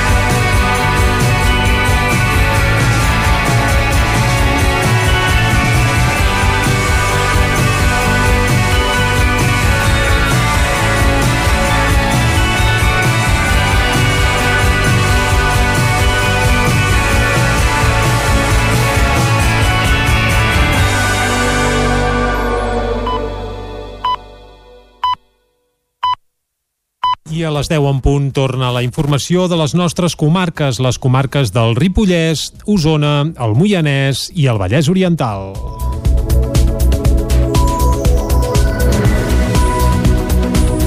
Una seixantena d'efectius entre agents rurals i tècnics veterinaris del Servei de Sanitat Animal del Departament d'Agricultura van participar aquest dimarts al primer simulacre d'actuació de pesta porcina africana en senglars. La Gaia, el gos del grup especial caní dels agents rurals, va localitzar el cadàver d'un dels tres porcs senglars que durant el simulacre que va tenir lloc aquest dimarts entre Santa Creu de Juglà i Olost es van col·locar al medi natural a pocs metres del pantà de la Gavarresa es posava en pràctica la resposta operativa que s'hauria d'activar en cas de localitzar-se un brot de pesta porcina a Catalunya. Marc Costa és el director general dels agents rurals. Llavors, a partir d'aquí, hem activat tot el, el pla de contingència que teníem preparat i el que hem vingut aquí a fer és aquest simulacre i provar doncs, que aquest pla de contingència doncs, és eficaç, funciona i que doncs, tenim tot, estem preparats per a aquest eh, eventual cas que esperem que no, no arribi mai. Protegits amb equips de protecció individual, efectius dels agents rurals van avalisar la zona i van extreure mostres de sang a l'animal. Els altres dos exemplars, embalats dins d'una doble bossa, es van retirar amb l'ajuda de l'helicòpter del cos, un escenari previst si l'orografia dificulta la tasca d'extracció de l'animal. Des de l'aparició de la pesta porcina a Bèlgica l'any 2018, el Departament d'Agricultura no ha deixat d'implementar actuacions per millorar l'estat de la bioseguretat a les granges i prevenir l'entrada de la malaltia a Catalunya.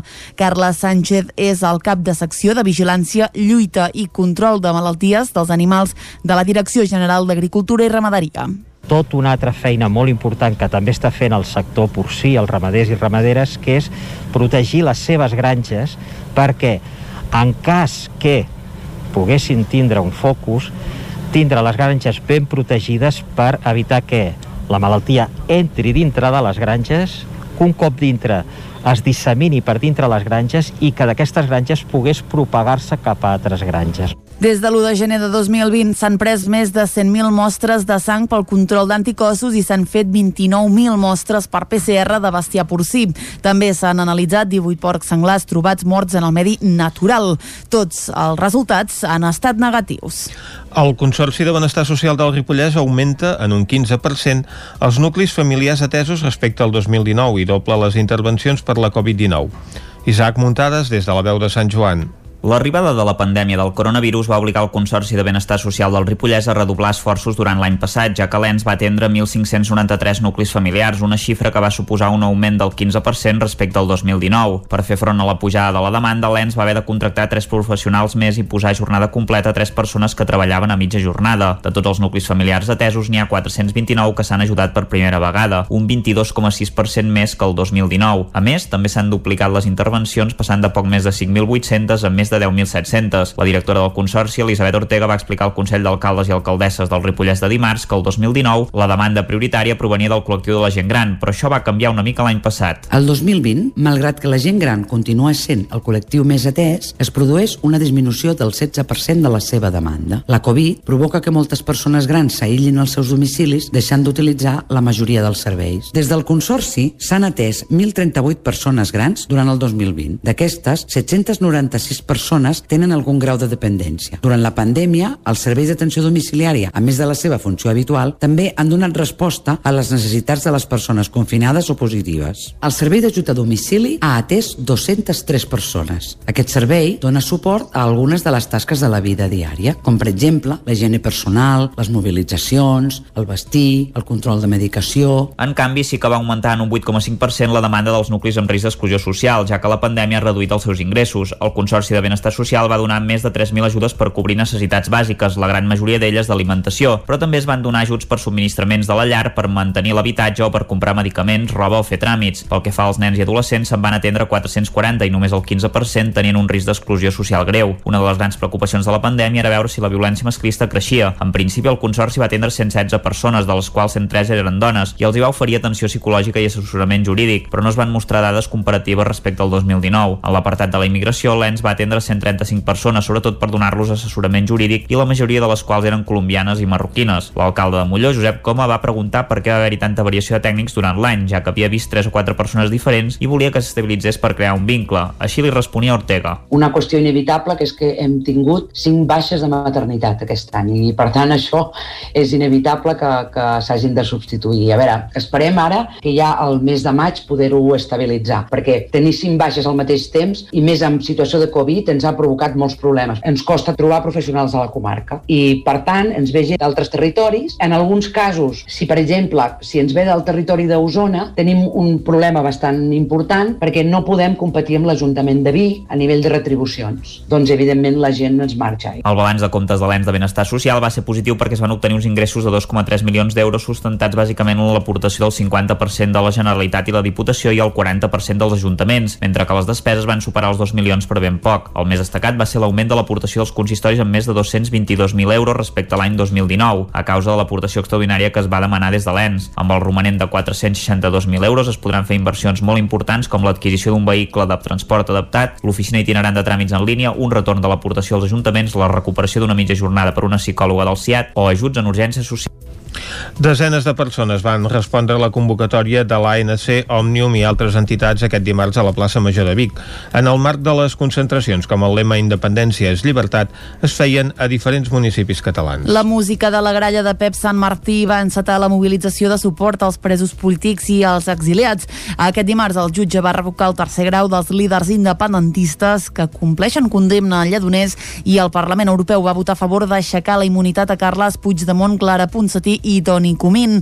A Vic, el manifest el va llegir Marta Torrecillas, la noia que va denunciar agressions policials l'1 d'octubre a l'Institut Pau Claris de Barcelona. La sentim a ella i també a l'alcaldessa de Vic, Anna R.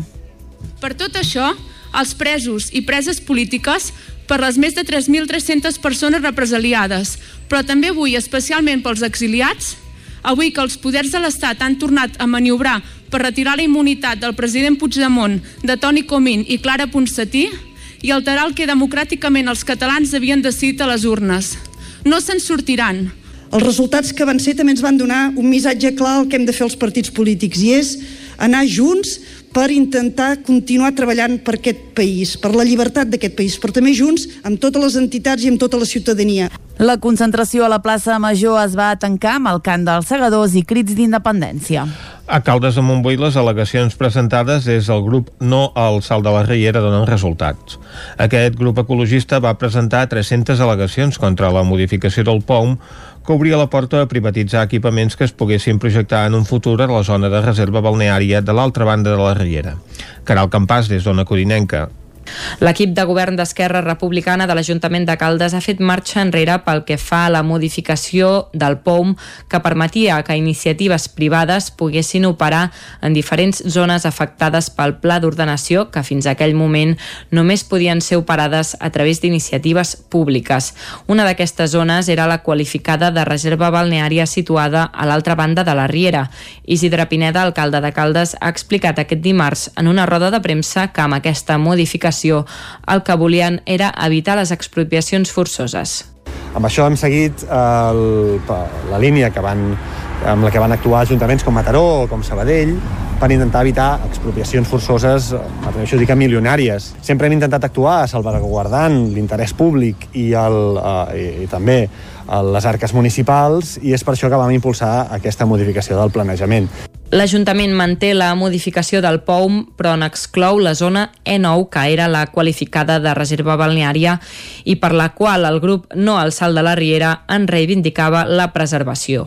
D'aquesta manera, entenem que l'Ajuntament eh, doncs, eh, aconsegueix allò que volia, que era evitar expropiacions forçoses eh, milionàries i també el, el col·lectiu del grup de debat i les persones que han presentat les al·legacions eh, també eh, aconseguiran el que volien, és que no hi hagués aquesta modificació del POM en els terrenys de reserva balneària i, per tant, s'eliminés qualsevol eh, suspicàcia de construcció a l'altra banda de la riera.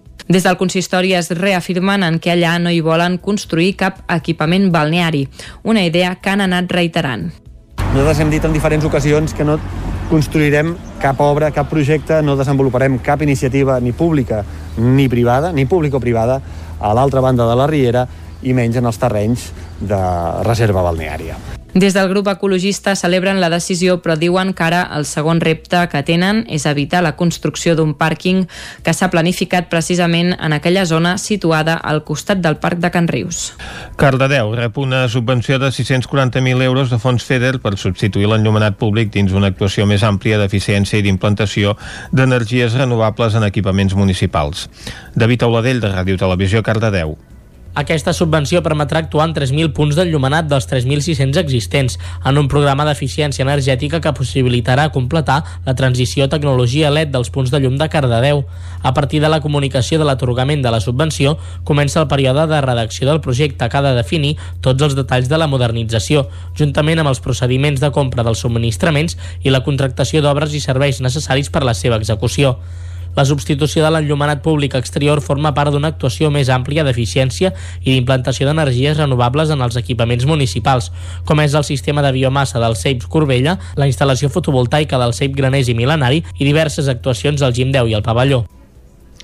Obrir el taló és el títol de l'exposició de Marià Dinarès que es pot visitar al vestíbul de l'Atlàntida. Oli acrílic i tinta xinesa sobre cartró, fusta o alumini és la base de les vuit escultures de Marià Dinarès que conformen Obrir el taló, l'exposició que des de fa dies guarneix el vestíbul de l'Atlàntida, una introspecció a l'espai escènic que parteix de l'original que el pintor i escultor biguetà va dissenyar per il·lustrar el cartell de la nova temporada del teatre. El vermell és el protagonista de l'obra inspirada en un taló. El taló té molta importància perquè és aquella separació entre l'espectacle i l'espectador, eh, entre aquell espai que, que quan arribes estàs, si hi ha taló, hi ha espectacles que et trobes de dret, però si hi ha taló o hi ha aquell, aquell moment d'intriga o d'esperar, de preparar-te per lo que passarà. La mostra s'enmarca en el projecte Artistes en Escena, una col·laboració entre AC Associació per les Arts Contemporànies i l'Atlàntida. Amb aquesta exposició, Dinarès s'ha endinsat en la pintura tridimensional.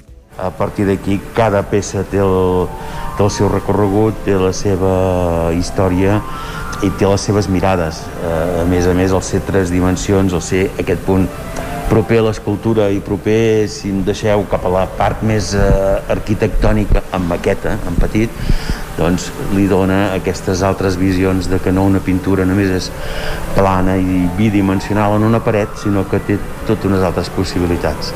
L'exposició es podrà veure en els pròxims mesos. Algunes de les peces també es poden contemplar des de l'exterior del teatre.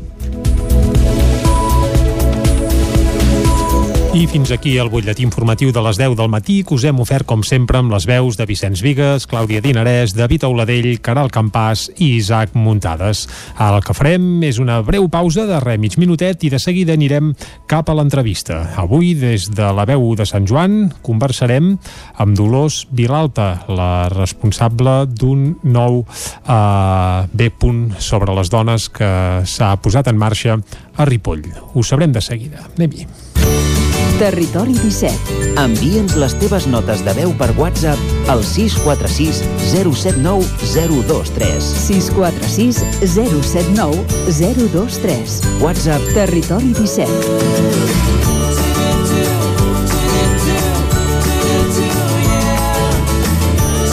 Territori 17.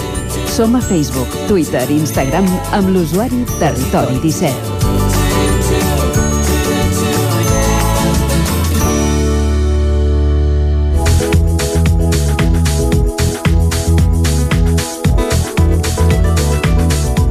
Ara mateix falta un minut per un quart d'onze. Com us dèiem, nosaltres el que farem anar ara és anar cap al Ripollès amb els nostres companys a la veu de Sant Joan perquè avui, en l'espai de l'entrevista, amb qui parlem doncs, és amb una regidora de l'Ajuntament de Ripoll, la Dolors Vilalta, i la Dolors Vilalta l'entrevistem arran de la creació i en el marc d'aquesta celebració aquests dies del Dia de, de la Dona, que se celebrava doncs, eh, dilluns a Ripoll, s'ha creat el Consell de les Dones. Aquest és el tema que volem abordar ara amb la Dolors Vilalta i amb l'Isaac Muntades, que ens espera a la veu de Sant Joan. Bon dia, Isaac.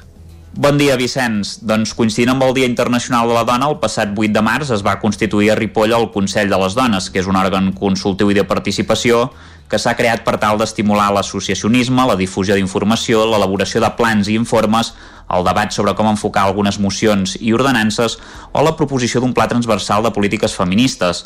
El Consell de les Dones el van presentar els quatre grups municipals que hi ha representats a l'Ajuntament de Ripoll, Junts per Ripoll, Esquerra Republicana de Catalunya, el PSC i l'Alternativa per Ripoll CUP.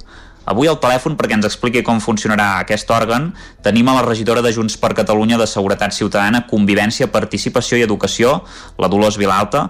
Bon dia, Dolors, i moltes gràcies per atendre'ns. Bon dia, gràcies a vosaltres. Primer de tot, Dolors, per què s'ha vist necessari la creació del Consell de les Dones aquí a Ripoll? Uh, bé, es veu necessari perquè la mirada femenina s'ha de donar en tots els àmbits de la societat i a vegades doncs, eh, aquesta mirada o precisament el món mm, de la dona sempre està una mica discriminat o deixat en un segon nivell. I de fet la pandèmia eh, ha contribuït a que encara això sigui més punyent i, i per tant aquest Consell de Dones té més sentit que mai. Jo sí que voldria donar unes dades del tema de, de la diferència entre home i dona i és que aviam la bretxa salarial entre homes i dones és d'un 21% i les dones suposen un 74% dels contractes a temps parcial davant un 26% dels homes. Llavors, és clar, ens sembla que aquesta igualtat, aquesta equitat, l'hem de tornar a donar-li rellevància i a tornar a lluitar perquè així sigui. Comentaves el tema de que la pandèmia de la Covid-19 i ha influït en certa manera. No sé com pot haver afectat a les dones el, el, el coronavirus, l'arribada del coronavirus. En quins sentits els, eh, les pot haver afectat? En el sentit de que, mira, en els últims, en els últims mesos, 7 de cada 10 persones que van perdre feina són dones. Tot i que hi ha molts serveis bàsics que la, la que més destaca com a persona laboral o professional són les dones. Però això no, no ha no ha fet o no ha limitat o no ha evitat doncs, que hi hagués aquesta gran diferència. S'han perdut llocs de treball, ja dic un 7 sobre 10, són dones, però a més a més les, la feina de cures, de tasques domèstiques, això ha tornat a recaure molt més amb la dona, a part de que eh, bueno, ja era un fet que era rellevant i amb el qual totes hem de lluitar, i tots, perquè aquestes diferències vagin minvant. Eh, càrrecs directius n'hi ha pocs, eh, no pot ser que una bretxa salarial amb la mateixa feina, amb les mateixes condicions i mateixes circumstàncies tingui una diferència d'un 21% i, per, i a més a més s'ha de dir de que clar, el tema de violència de gènere doncs, durant tots aquests mesos de pandèmia i de confinament eh, no s'ha visibilitzat perquè la gent estava tancada a casa però ha crescut i s'ha incrementat d'una manera eh, una mica eh, preocupant o molt preocupant, és així. De fet, agafant una mica el, el que deies, Dolors, eh, durant aquesta pandèmia la figura de la dona ha estat molt im, important perquè en sectors potser més feminitzats com el sanitari, també el de el de l'educació o fins i tot a altres sectors eh, com el de reponedores de, de supermercat, per posar alguns exemples, normalment sempre hi ha dones al capdavant, per tant s'ha fet notar doncs, que, que les dones són molt importants en la nostra societat. I tant, i tant que sí, I, i això és el que no es té en compte. Nosaltres el que no volem és canviar la, la, el, el pes de la bàscula. El que volem és que hi hagi una equitat i que hi hagi una igualtat. L'equitat de gènere és un principi de justícia social i política. Precisament té per objectiu eliminar aquestes desigualtats entre dones i homes. I, però tot i reconeixent les diferències de gènere que de fet també ens enriqueixen però que si volem doncs, és de que quan es prenguin decisions polítiques, socials, sanitàries, urbanístiques, econòmiques, laborals, es tingui en compte doncs, eh, precisament aquesta diversitat per arribar a una equitat. Tornant al Consell de les Dones, qui participarà? Com, com ho fareu per fer-lo arribar a la població? Eh, nosaltres parlarem amb totes les entitats, amb totes les associacions, amb tots els òrgans que, per explicar-los l'objectiu d'aquest Consell de Dones. I a partir d'aquí doncs, tothom podrà participar en aquest Consell debatent, tractant qüestions d'interès per les dones de Ripoll, visibilitzant doncs, les demandes que hi puguin haver, recollint propostes, i expectatives i informant doncs, quan hi hagi eh, una elaboració d'una ordenança, quan hi hagi un pla urbanístic, quan s'hagi de fer doncs, un pla d'igualtat per a les empreses o entitats. Nosaltres volem ser un òrgan consultiu i, i per tant com a òrgan consultiu és veritat de que el que ell manifesti seran recomanacions, però entenem de que s'ha d'anar eh, manifestant aquestes divergències i per trobar aquesta equitat perquè tothom es consciència d'aquest tema. A vegades hi han coses que es fan sense pensar de que hi poden haver altres necessitats i que per tant doncs, s'han doncs, d'organitzar o executar d'una altra manera. Per exemple, tot i que sigui un òrgan consultiu, eh, Dolors, com comentaves, però eh, això pot tenir una certa transcendència i es pot eh, ser escoltat de manera important, ho comentaves una mica, eh, pel tema de les mocions o propostes que es facin a partir d'ara de l'Ajuntament, que tinguin aquesta mirada en clau femenina i que les recomanacions fins i tot s'acceptin eh, i s'entomin des de l'equip de govern com, com fins i tot una obligació?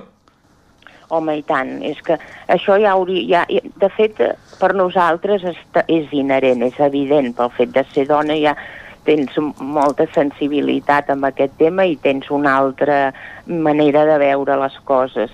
Eh, i volem que ses, la gent es sensibilitzi d'aquest tema que les ordenances doncs també tinguin que, que, que ja es fa però potser no es fa prou conscientment eh, o normatives, no, no només municipals, sinó que també puguem fer sentir la nostra veu en un àmbit més ampli, de que tingui aquesta mirada femenina, sempre amb, amb el tema de, de que l'estratègia d'aquest Consell que sigui de transversalitat de gènere, perquè si volem una equitat de gènere hem de tenir en compte tots els àmbits que ens puguin fer arribar a un punt comú d'equitat i que hi hagi aquest principi de justícia social. Uh, el Consell de les Dones, amb quina estructura regirà? És a dir, no sé si, per exemple, tindrem una, vice, una presidenta, una vicepresidenta, com, com s'organitzarà tot plegat? Aviam, nosaltres, eh, l'organització, en principi, en l'esborrany que s'ha fet i que quan, quan ja tingui la Constitució de, o estigui composada per les diferents entitats i representants i col·laboradors doncs, eh, s'acabarà de decidir, però nosaltres d'alguna manera doncs, havíem agafat que hi hagués una presidència, una vicepresidència, un plenari que si fos el que eh, prengués les decisions importants o les decisions de forma global i que hi hagin comissions permanents de treball perquè depèn de quin àmbit eh, es tracti, també volem convidar doncs, experts en les temàtiques a tractar i per tant a cada comissió s'hauria de, de, de dedicar a estudiar o analitzar un tema en concret eh, que es farà eh, sobre la marxa en el sentit de que quan hi hagi un tema que, per exemple, ara imaginem que hi hagués un pla municipal d'urbanisme, doncs, bueno, en aquest, hi hauria d'haver una comissió específica per estudiar, analitzar doncs, el contingut de la proposta d'aquest pla per que pugui tenir la seva visió femenina. Ara que comentes això d'urbanisme, posa'm un exemple d'això d'urbanisme que, que s'apliqui aquest pla. En, en, què, en què es traduiria? Crec que l'altre dia la, la regidora Esquerra Republicana també va fer alguna alguna menció en aquest sentit, oi, Dolors? Sí. Sí, mira, hi ha un tema que és el tema de la seguretat i de fet és, eh, és cert de que cada vegada hi ha més dones que estan fent defensa personal i el tema de la seguretat és important. Anar pel carrer què tu et trobis segura, que no tinguis por, és una de les coses que es reivindica des de fa temps i sempre. I és, a vegades es fan carrers o s'urbanitzen zones i potser la il·luminació no és lo prou correcte com perquè tu et sentis segura quan passes per allà. O sigui, eh, és així, malauradament, eh, aquest punt d'inseguretat eh, moltes vegades es té i s'ha d'anar eliminant, s'han de fer ciutats que siguin segures, que per la nit no hi hagin punts foscos que puguis tenir qualsevol ensurt i per tant doncs, per això parlem d'urbanisme perquè aquest tema és important. També parlàveu l'altre dia del nomenclàtor de, dels carrers, oi? Sí, hi ha carrers que tenen nom de dona, però eh, potser no n'hi ha prou. I si hi ha moltes dones que han fet moltes actuacions que són rellevants i entenem que aquesta també és una manera de que se'ls hi pugui reconèixer que quan es posin noms als carrers doncs també es tingui en compte que hi, hi poden ser i han de ser-hi noms femenins. Ah, l'altre dia a la presentació Dolors no hi era la regidora no escrita Sílvia Oriols. Entenc que també el pacte que veu arribar al principi de, abans fins i tot de les eleccions de, de no arribar a cap acord amb ell a principis de mandat continua vigent. Uh, com s'explica que, que no hi fos? Aquí eh, eren representats els grups municipals i ella, de fet, és regidora no escrita perquè fa temps es va desvincular del partit que representava, això per un cantó. I d'altra banda hi han hagut eh, mocions que han passat pel ple eh, com ciutat feminista i ella ho va votar en contra.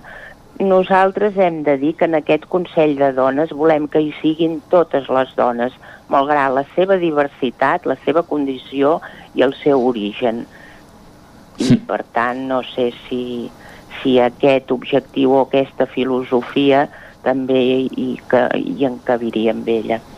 Mm -hmm. No sé, la, la raó fonamental és que això es va, represent, es va presentar per el, i, i la representació doncs, de la, de la constitució d'aquest Consell de Dones va ser pels grups municipals que hi ha actualment a l'Ajuntament de Ripoll. Doncs Dolors Vilalta, regidora de l'Ajuntament de Ripoll de Seguretat Ciutadana, Convivència, Participació i Educació. Gràcies per haver-nos explicat en detall el funcionament del Consell de les Dones de Ripoll, que va començar a caminar el passat dilluns i que esperem que aviat comenci a donar els seus fruits. Moltes gràcies per haver estat avui amb nosaltres. Gràcies, molt bon dia. Adéu-siau, adéu. Doncs moltes gràcies, Isaac Muntades, des de la veu de Sant Joan i a Dolors Vilalta, la regidora, una de les regidores de l'Ajuntament de Ripoll de Junts per Catalunya. Nosaltres ara, al Territori 17, fem una pausa. El nou FM, la ràdio de casa, al 92.8. A Vic, T52, un taller d'emocions. Una celebració, un reconeixement, un record, la victòria, el premi. Tenim una solució personalitzada per a cada ocasió. Ens trobaràs al centre, al carrer 941 i també a l'Horta Vermella, al carrer Menéndez Pelayo 31. Més informació a t52.cat. Semblava impossible tenir veu, estudiar, treballar. Semblava impossible decidir sobre els nostres cossos. Semblava impossible tenir els mateixos drets. I a tu, què et sembla impossible? 8 de març, Dia Internacional de les Dones fèiem, fem i farem polítiques feministes. Diputació de Barcelona. Anuncia't al 9FM. La màquina de casa. 9 3 8 8 9 4 9 4 9. Publicitat arroba al 9FM.cat. Anuncia't al 9FM. La publicitat més eficaç. Cocodril Club. Si t'agrada la bona música dels anys 60, 70 i 80, escolta el 9 FM als matins de dissabtes i diumenges d'11 a 1. És el temps del Cocodril Club, tot un clàssic de la ràdio, amb les bases del pop-rock, les llegendes, les cançons que s'han convertit en autèntics himnes. Recorda, dissabtes i diumenges al matí, d'11 a 1, al 9 FM 92.8. Cocodril Club, el programa revival de l'Albert Malla. Hasta luego, Montse Estètic Vic celebrem dos anys. Tant si ets client nostre com si ens acabes de conèixer, gaudiràs de descomptes i promocions tot el mes de març. Aconsegueix un 2 per 1 en la depilació làser al portar un amic o amiga i enamora't gratuïtament de la presoteràpia mentre et fem un tractament facial. Cuida't més que mai. Ara amb el 20% de descompte en tots els productes. Vine a Montse Estètic i mima't. Ens trobaràs a l'Avinguda Pius 12, número 26 de Vic. Al telèfon 672 1704 23 i a la web montsestètic.com. El restaurant El Racó de León no s'oblida dels seus clients en aquests temps difícils i us ofereix els vostres plats preferits per emportar. Reserves al telèfon 93 889 1950. Obrim amb el 30% d'aforament. Disposem de menjador i terrassa amb totes les mesures de seguretat. Els dies 25 i 26 de març se celebren les eleccions agràries. Les votacions seran únicament pel sistema de votació electrònica. Pots votar remotament amb l'IDCAT certificat, el DNI electrònic, altres certificats reconeguts o amb el sistema de reconeixement biomètric. També pots votar de manera presencial amb el DNI des de qualsevol dels punts d'assistència al vot electrònic. Tots els punts comptaran amb les mesures sanitàries necessàries per garantir la teva salut i la de tothom. Més informació a agricultura.gencat.cat. Generalitat de Catalunya. Catalunya. El nou FM, el nou FM, el nou FM, el nou FM. Són dos quarts onze i ja tenim aquí a la, a la Natàlia Peix amb els eh, tuits a la jornada a punt. Bon dia, Natàlia. Hola, bon dia.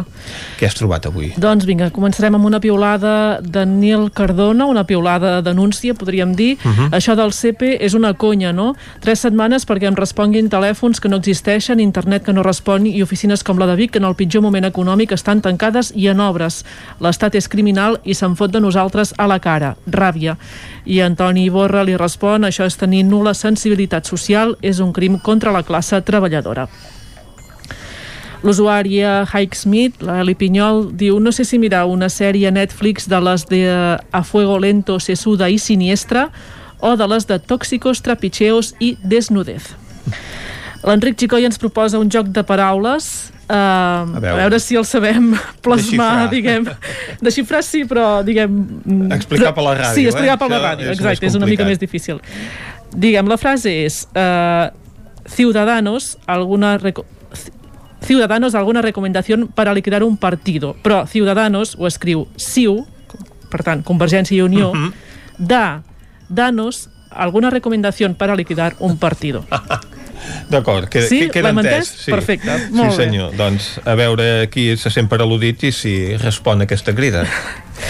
Uh, Joan Comec, regidor de Capgirem Vic, que Junts per Catalunya s'apropia avui de reomple de contingut partidista al llenguatge polític és tan evident que fa angúnia. Ho fan amb la paraula independència, desobediència, confrontació, democràcia i dret a decidir. Ara també amb portes giratòries. Tot el suport galapita. Això ve arrel d'una polèmica que ha sorgit a l'entorn de Gala Pin, exregidora de Barcelona, eh, de l'Ajuntament de Barcelona eh, de si va incomplir o no el Codi Ètic Municipal en ser contractada per la Fundació Goteo. Tot Ah. uh... que val a dir que aquí era el, el contracte d'aquesta regidora doncs era de, un contracte que durant molt de temps va ser a temps parcial, un contracte doncs, de, de poc eh, valor econòmic, no té res a veure amb les portes giratòries a què estem acostumats i contractes multimilionaris d'alguns exministres. que és el que ve a dir també Joan Coma. Uh, recordem uh, que ahir explicàvem aquella um, promesa que havia fet en Pep Acosta sobre si el Barça Exacte, passava... això? Ho recordem, ho recordem, Ho ho recordem, no, recordo. només per dir que no, no veurem a Pep Acosta Ja, pujant, sí, sí. pujant despullat i de genolls a, a Montserrat. El que no ens vas dir, però, és que, eh, que ell va dir que, hi port, que portaria la mascareta. Sí, sí, sí que ho vam, ho va vam dir. comentar. Ho vam comentar. Crec que sí, eh? El que no, no ens aclaria, però, és a quin lloc se la posava, la mascareta. Això no, això no, no quedava clar al tuit. No, que els jugadors d'hoquei en tenen una que va molt bé. Uh, continuem. Seria una Uh, altra cosa, això, eh, Vicenç? Uh, N'hi diuen coquillera, però vaja, tant és. Uh, continuem, continuem. Sí, va, continuem sí. endavant. En relació, això sí, al partit del Barça d'ahir, la Teresa Rossell diu si avui continués Novita de president, estaríem mirant, mirant Goldfinger. El grup de defensa del Ter, bones notícies, el riu Ritort al Ripollès torna a tenir vida amb la resclosa enderrocada, recuperant el seu estat natural. Un riu explotat durant molts anys, com molts d'altres, amb incompliments reiterats de cabal ecològic. Remei Review informa d'un nou servei de neteja. Diu, si tens un solar per netejar i necessites maquinària per desbrossar i fer fora les males herbes, accedeix a aquesta nova ajuda. Des del dia 8 de març, l'Ajuntament de Vic ha obert un nou servei per netejar amb diners públics qualsevol terreny privat. Fan referència al que va passar dilluns, que l'Ajuntament doncs, va desmuntar uns horts que s'havien instal·lat eh, el diumenge en una de les activitats del Dia de la Dona que organitzava el Comitè de Vaga Feminista i que va generar doncs, eh, una protesta també en el, la lectura del manifest que es va fer el, el dilluns, dia 8 de març. Uh -huh. I eh, acabarem amb una piolada d'en Guillem Roma, que ens convida a anar al concert que farà el dia 27 de març a l'Atlàntida. Diu, s'està omplint l'Atlàntida Vic, aquest concert serà una festa. Quines ganes, si encara no teniu entrada, doncs podeu clicar a l'enllaç que, que ens hi deixa. Molt bé. Doncs, si et sembla, repassem les portades del 99.cat. Comencem amb l'edició del Vallès Oriental. El nou radar de tram de la C-17 a Tagamanent controlarà finalment tots dos sentits. que Novelles instal·la un desfibrilador a la nova pista polivalent i Caldes rectifica i mantindrà la titularitat pública de la zona balneària de les Cremades. I pel que fa a l'edició d'Osona i el Ripollès, eh, com a primera notícia, en aquests moments hi ha una entrevista a Gerard Hileres, de l'empresa de l'empresa, volem dir, Voltregà Trading, que té com a cita textual la pandèmia accentua la confiança entre el cedent i el reemprenedor. També eh, es fa ressò la web de la iniciativa de la, cerve de la cerveseria Dickens de Vic, que obre eh, oferint consumicions per endur, amb el titular uh -huh. Fer una cervesa per endur, i com a tercera notícia destacada a aquesta hora fan un simulacre d'actuació de pesta porcina africana en senglars amb l'ajuda de drons i un helicòpter a Olost. Molt bé, doncs moltes gràcies, Natàlia. Nosaltres tanquem aquí el repàs a l'actualitat digital i anem a la taula de redacció. Territori 17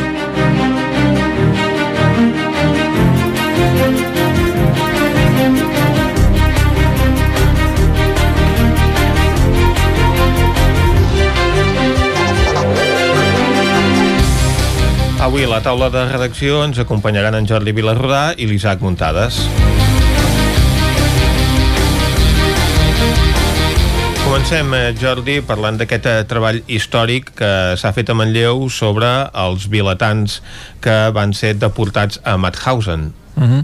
Efectivament, és un treball que s'ha concretat en format de llibre. Per cert, qui vulgui se'l pot descarregar de la web del Museu del Ter, aquest llibre, uh -huh. gratuïtament. Molt bé. I és un treball que han fet dues historiadores, la Imma Domènech i l'Assumpta Tort, que uh -huh. ja havien treballat per una exposició que es va fer ara fa dos anys el tema de la repressió franquista a Manlleu. Uh -huh. I justament d'aquí van estirar un fil que els va portar a parlar dels eh, deportats manlleuencs al camp de concentració nazi de Mauthausen, perquè uh -huh. un dels personatges que ja havien, eh, diguem, conegut en la seva investigació sobre el franquisme, després havia acabat eh, en el camp de Mauthausen i, i a partir d'aquí elles van dir doncs busquem altres manlleuencs que uh -huh. haguessin fet el mateix itinerari vital, diguem, en aquell moment i en van trobar fins a nou nou persones de Manlleu uh -huh. eh, nascudes a Manlleu o que vivien a Manlleu que havien acabat els, en aquest camp, que per cert doncs d'aquestes uh -huh. nou persones només set eh, ah, perdó, només dues en van eh, sobreviure set en van morir uh -huh en, en el curs del seu internament en el camp.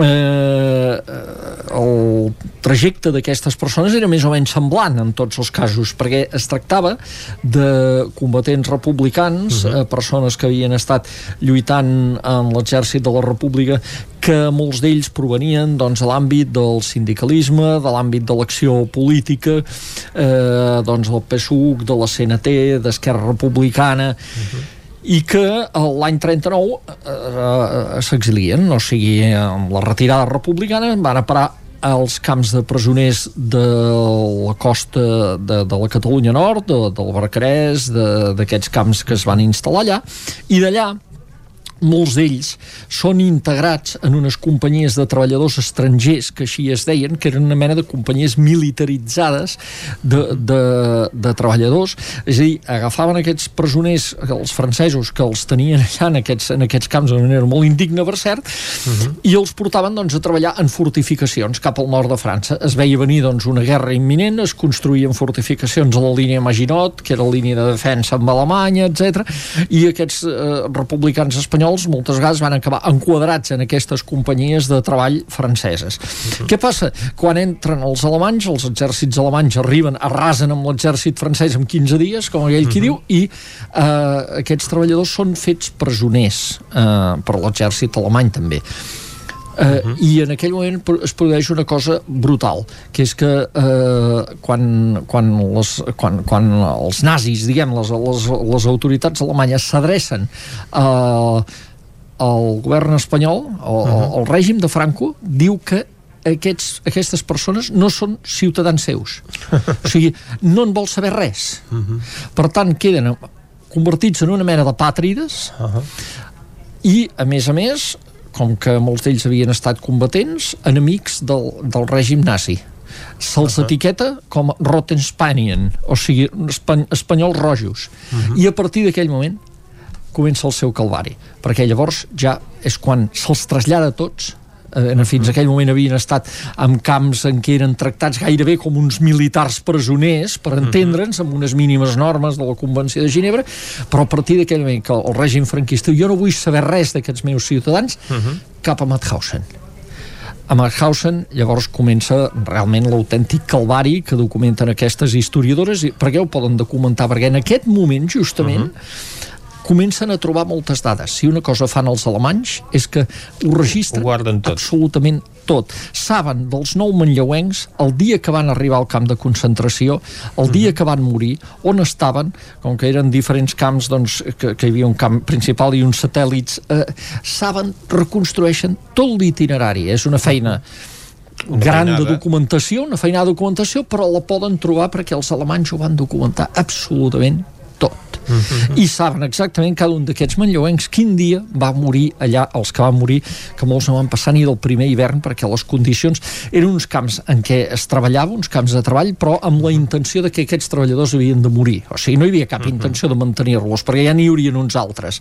I, per tant, no es tractava de que els haguessin de tractar mínimament bé perquè sobrevisquessin. No, si es morien treballant a la famosa pedrera de Mauthausen, es morien. O sigui, eren tractats com esclaus. Eren tractats literalment com esclaus i més amb la intenció de que anessin passant, vaja. Uh -huh. I, i, i n'hi va haver, com diem en alguns cas, gent molt jove, eh, és, és esfereïdor, doncs, aquest testimoni, que eh, no passa ni el primer hivern. N'hi ha algun que sobreviu, i precisament un d'aquests supervivents viu fins molt gran, fins als 90 anys, eh, viu a França, exiliat, i manté una relació amb la família de Manlleu que uh -huh. eh, s'ha pogut, doncs, eh, que, que s'ha pogut recollir el seu testimoni, que és el, el, el testimoni dels descendents d'en Joan Carrera, que així uh -huh. es deia aquest, un dels supervivents, que, que va conservar tota la seva vida la memòria doncs, d'haver estat a Mauthausen, una persona d'un tarannà antifeixista i d'esquerres molt clar, que fins i tot ell no va voler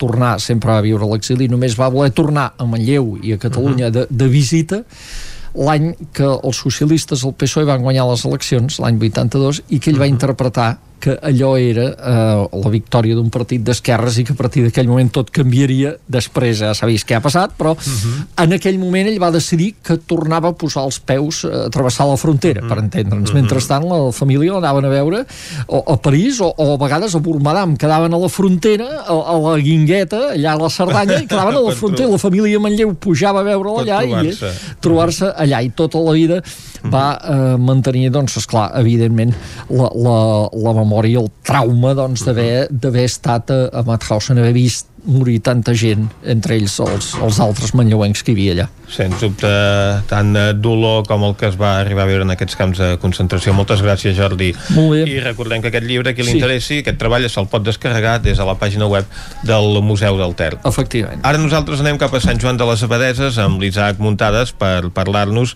doncs, del Festival Clownia, que per segon any consecutiu no es podrà celebrar. El grup Charango, que és el seu impulsor, doncs, ha vist que ateses les circumstàncies en què ens trobem, tampoc no hi haurà clownia aquest mes de juny, Isaac.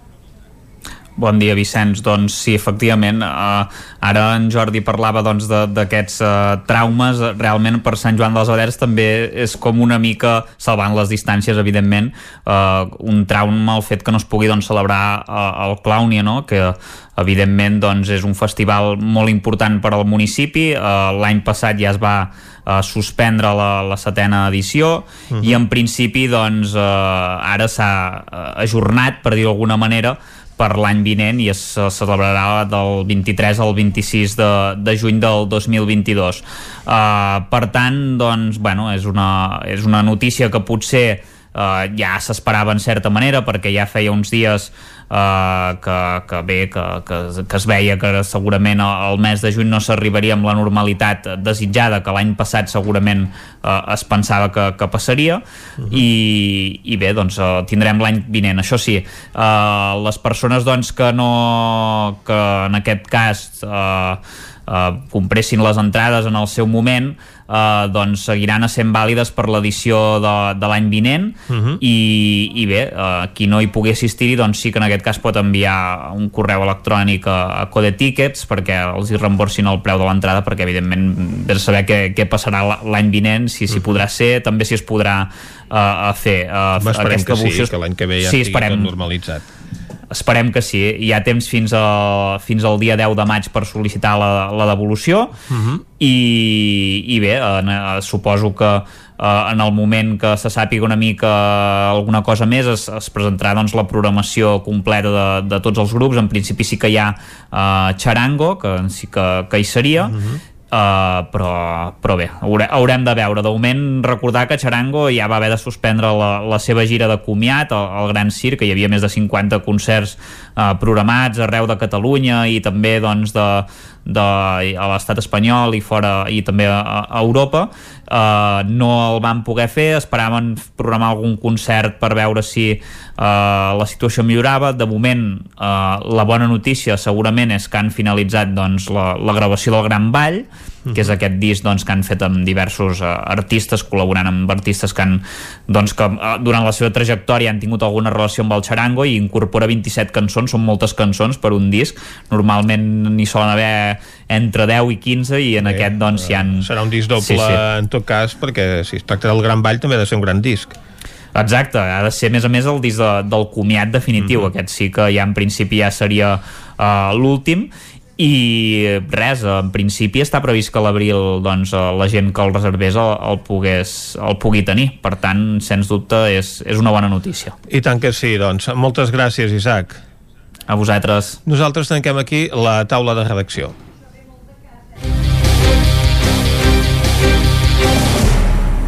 Territori 17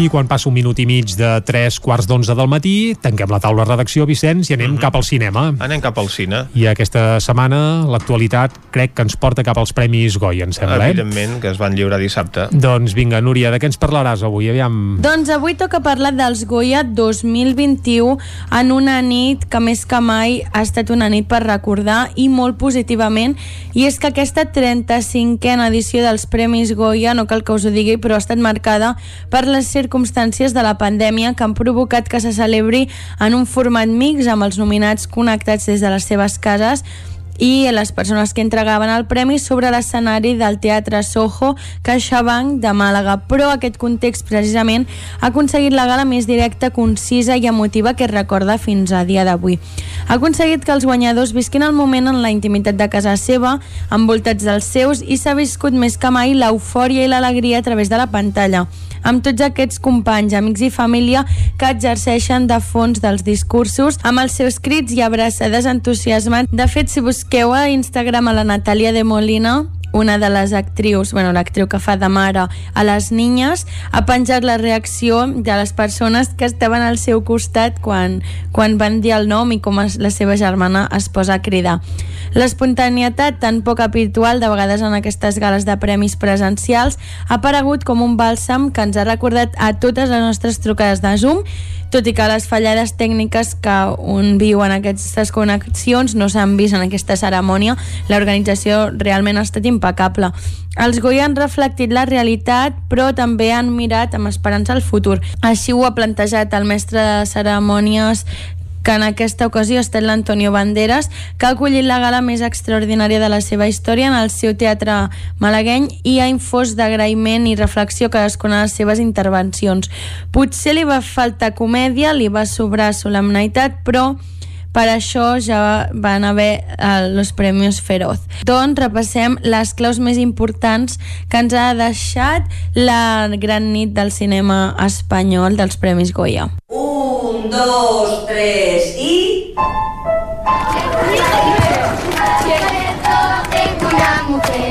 Por ejemplo, si tú tuvieras que preguntar una cosa a una niña, a una de estas sí, colegialas, sí. ¿qué les preguntarías? No les preguntaría, les daría un consejo, póntelo, pónselo.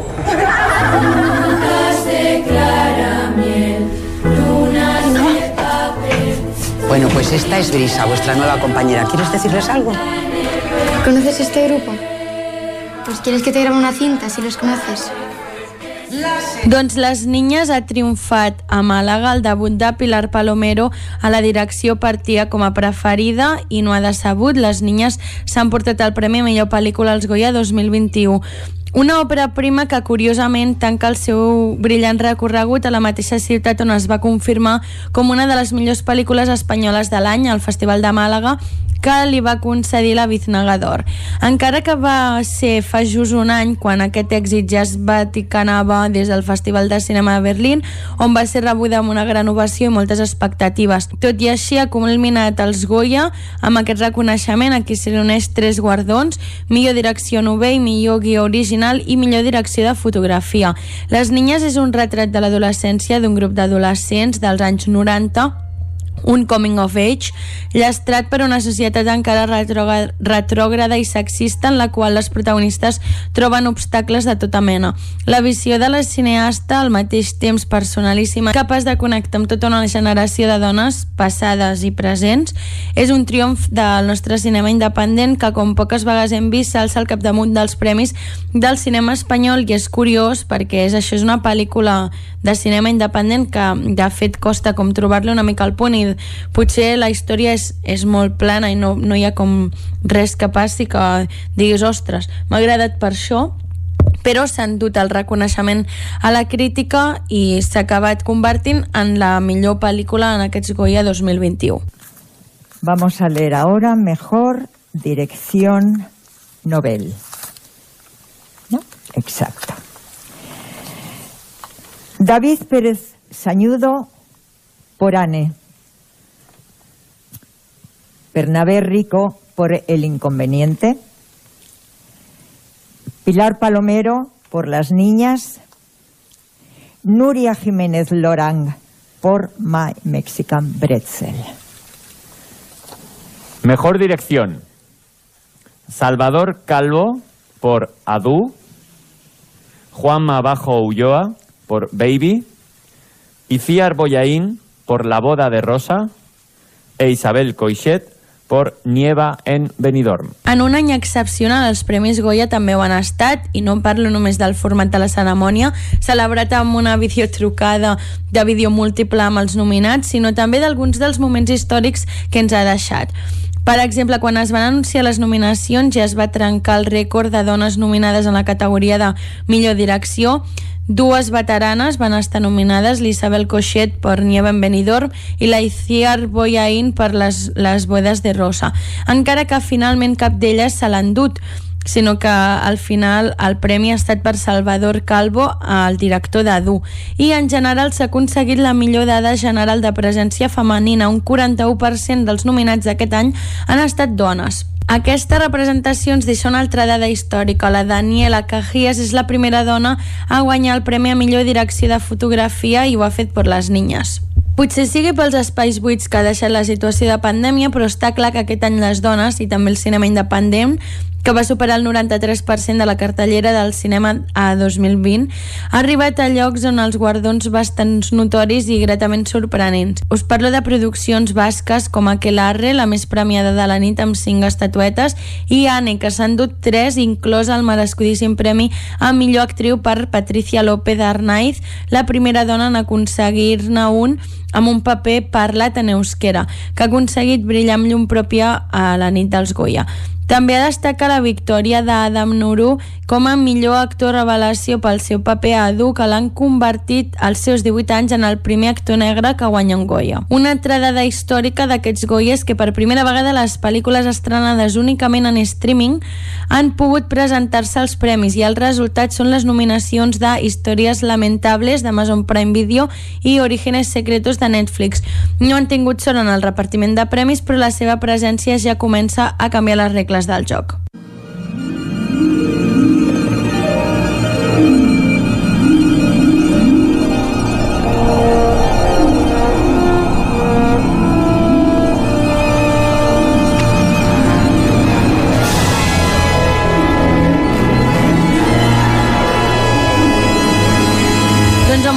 Ahir entrava Antonio Banderas a l'escenari del seu teatre Soho CaixaBank de Màlaga, on durant tants mesos ha somiat amb rebre el cinema espanyol per celebrar-ho com es mereix, a casa i amb les seves normes. No obstant això, l'expansió de la Covid-19 a, Espanya no ha permès que la gran festa del cinema es dugui a terme com estava planejada o com s'hagués volgut. No importa perquè davant les pitjors circumstàncies artistes lluitadors com Antonio Banderas es creixen i això és el que es va veure a la nit Goya 2021. Aunque sea de forma telemática, bienvenidos, bienvenidos a todos, de verdad, a Málaga, a este teatro que es vuestra casa. Yo creo que es muy difícil eh, concentrar tanto talento en un escenario. Bueno, talento y también mucho sacrificio y mucha lucha. eh. Todos los que estáis aquí habéis luchado muy fuerte para tener vuestras producciones fuera, para poder presentarlas. Y eso ya en sí mismo es merecedor de un premio i de vuestro... Doncs aquest era el monòleg inicial que va fer en solitari com a mestre de cerimònies, encara que més tard Maria Casado va assumir el paper de copresentadora. Reflexiu, l'actor va parlar sobre quin és el paper del cinema, de l'art i la cultura en un temps com el que ens ha tocat viure el 2020 i també en aquest any. Amb humilitat i respecte, Banderas va intentar fer reflexionar, donar sentit i compartir.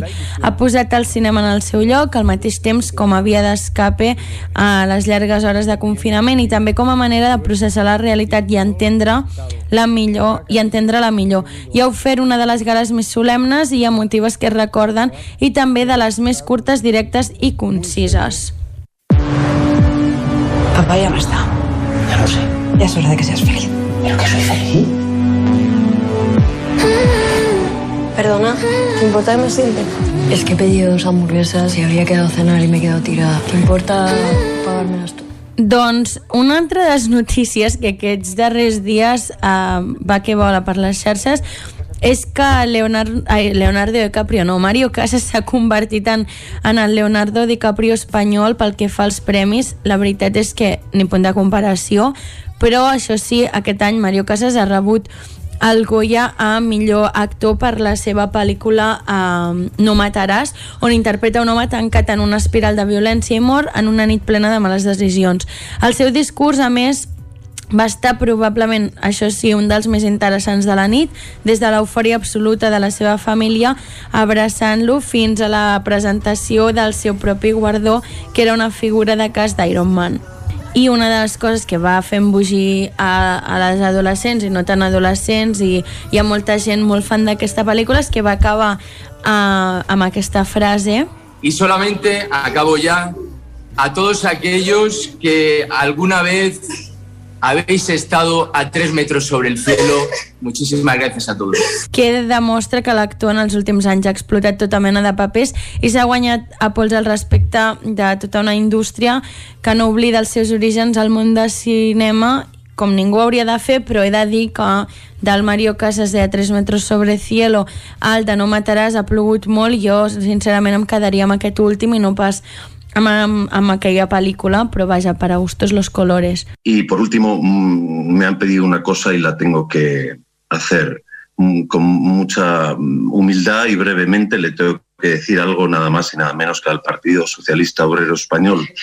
Los derechos humanos no pueden ser a la vez bienes de mercado con los que se especule. Y las, las casas, la vivienda, tener un hogar es un derecho humano muy básico. Muchas gracias. Doncs Alberto San Juan s'enduia el Premi a millor actor de repartiment. Aquestes eren les seves paraules que aprofitava per enviar aquest missatge al govern d'Espanya. L'actor refereix a unes declaracions recents del ministre José Luis Ábalos després de la seva negativa de regular el lloguer. Entre tantes emocions, la veritat és que ja calia una mica de reivindicació política, tot i que breu, sobre un tema que pot afectar la vida de tantes persones a, a Espanya. El plan se fragua desde dentro de la cárcel, quiere vengarse, busca pues, gente que le pueda ayudar en este plan. Tiene que conseguir un sicario, tiene que conseguir alguien que ayude o traslade al sicario y le dé la huida, un arma, por supuesto, para matar. Vengo aquí porque me desahogo mucho, pienso en mi madre un montón.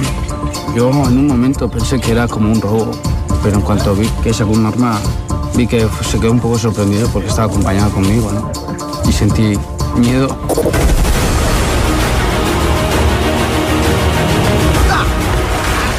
En les categories documentals destaca també el Premi a Mabel Lozano pel seu curtmetratge Biografia del cadàver d'una mujer, guanyador del Goya millor curtmetratge documental, amb el qual ha volgut denunciar les situacions d'abús que viuen les dones.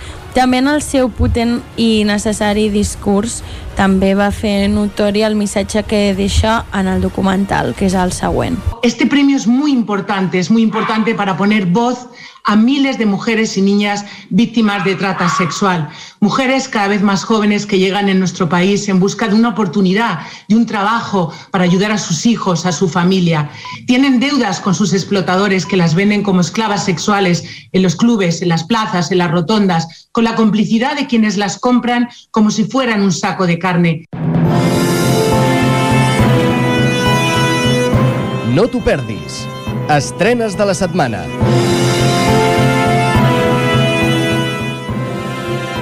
Doncs passem ara a les estrenes de la setmana i ho farem, com sempre, amb el Cinema Esbarjo de Cardedeu.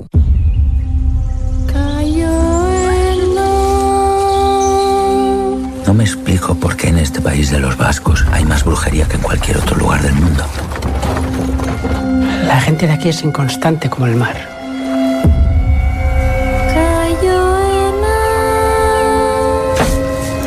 Buscamos a Ana Ibargure.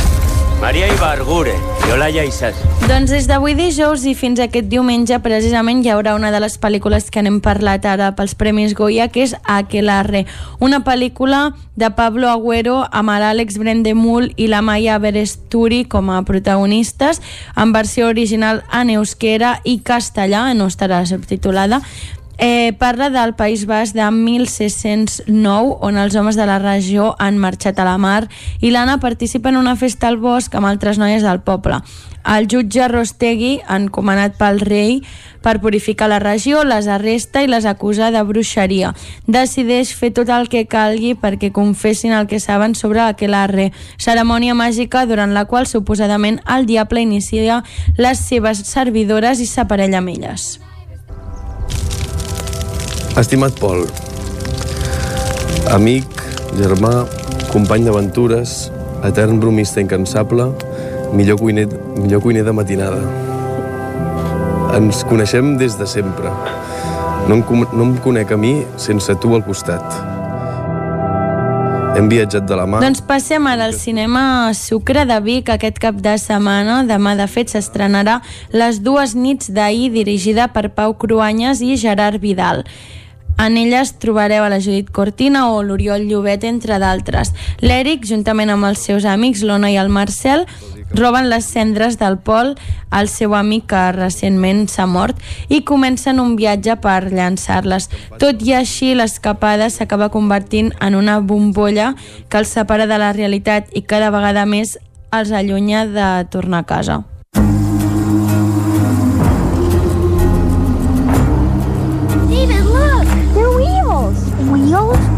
여기 대체 어디야?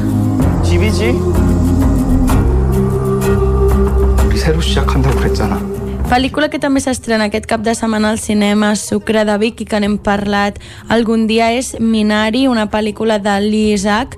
És un drama que parla sobre el David, un nen coreà-americà de 7 anys que veu com a mitjans dels anys 80 la seva vida canvia de la nit, eh, de la nit al dia quan el seu pare decideix mudar-se juntament amb tota la seva família a una zona rural d'Arkansas per obrir allà una granja amb el propòsit d'aconseguir el somni americà.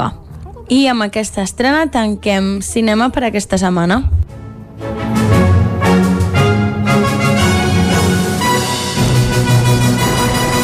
I quan són les 11 i 3 minuts i mig del matí, torna la informació de les nostres comarques, les comarques del Ripollès, Osona, el Moianès i el Vallès Oriental. Territori 17, amb Vicenç Vigues i Jordi Sunyer.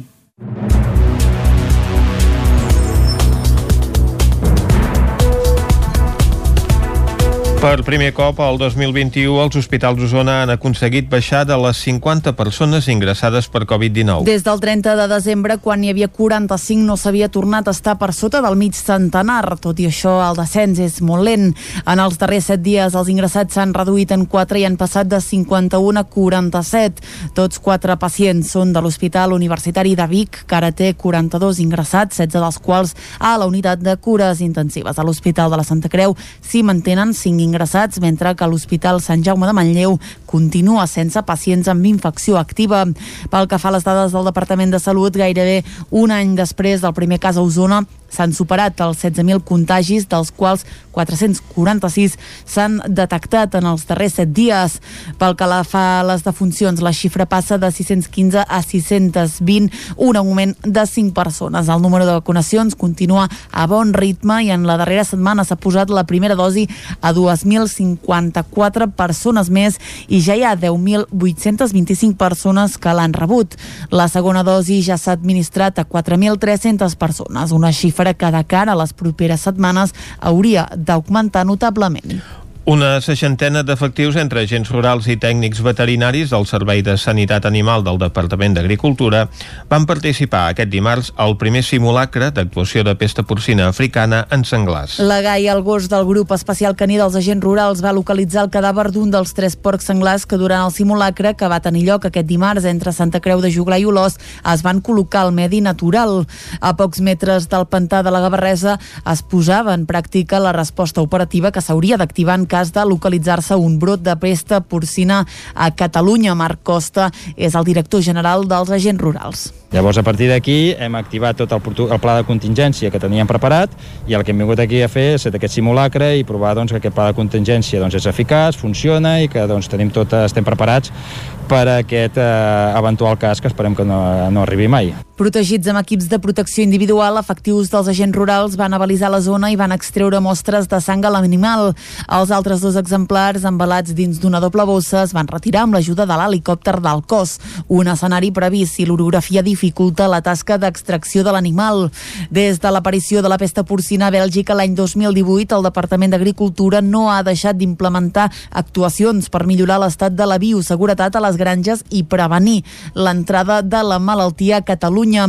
Carla Sánchez és el cap de secció de Vigilància, Lluita i Control de Malalties dels Animals de la Direcció General d'Agricultura i Ramaderia tot una altra feina molt important que també està fent el sector porcí, els ramaders i ramaderes, que és protegir les seves granges perquè en cas que poguessin tindre un focus, tindre les granges ben protegides per evitar que la malaltia entri dintre de les granges, un cop dintre es dissemini per dintre les granges i que d'aquestes granges pogués propagar-se cap a altres granges. Des de l'1 de gener de 2020 s'han pres més de 100.000 mostres de sang pel control d'anticossos i s'han fet 29.000 mostres per PCR de bestiar porcí.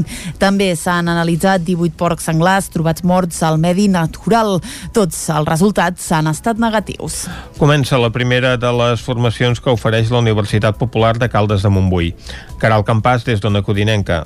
Després d'uns mesos d'inactivitat al llarg del primer trimestre, la Universitat Popular de Caldes ha presentat una nova oferta formativa que comença aquesta setmana.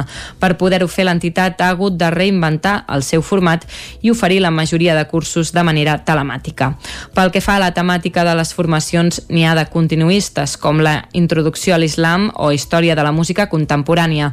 A més d'això, l'aprenentatge en línia ha permès que la universitat hagi pogut ampliar notablement la seva oferta amb alguns tallers o seminaris més específics.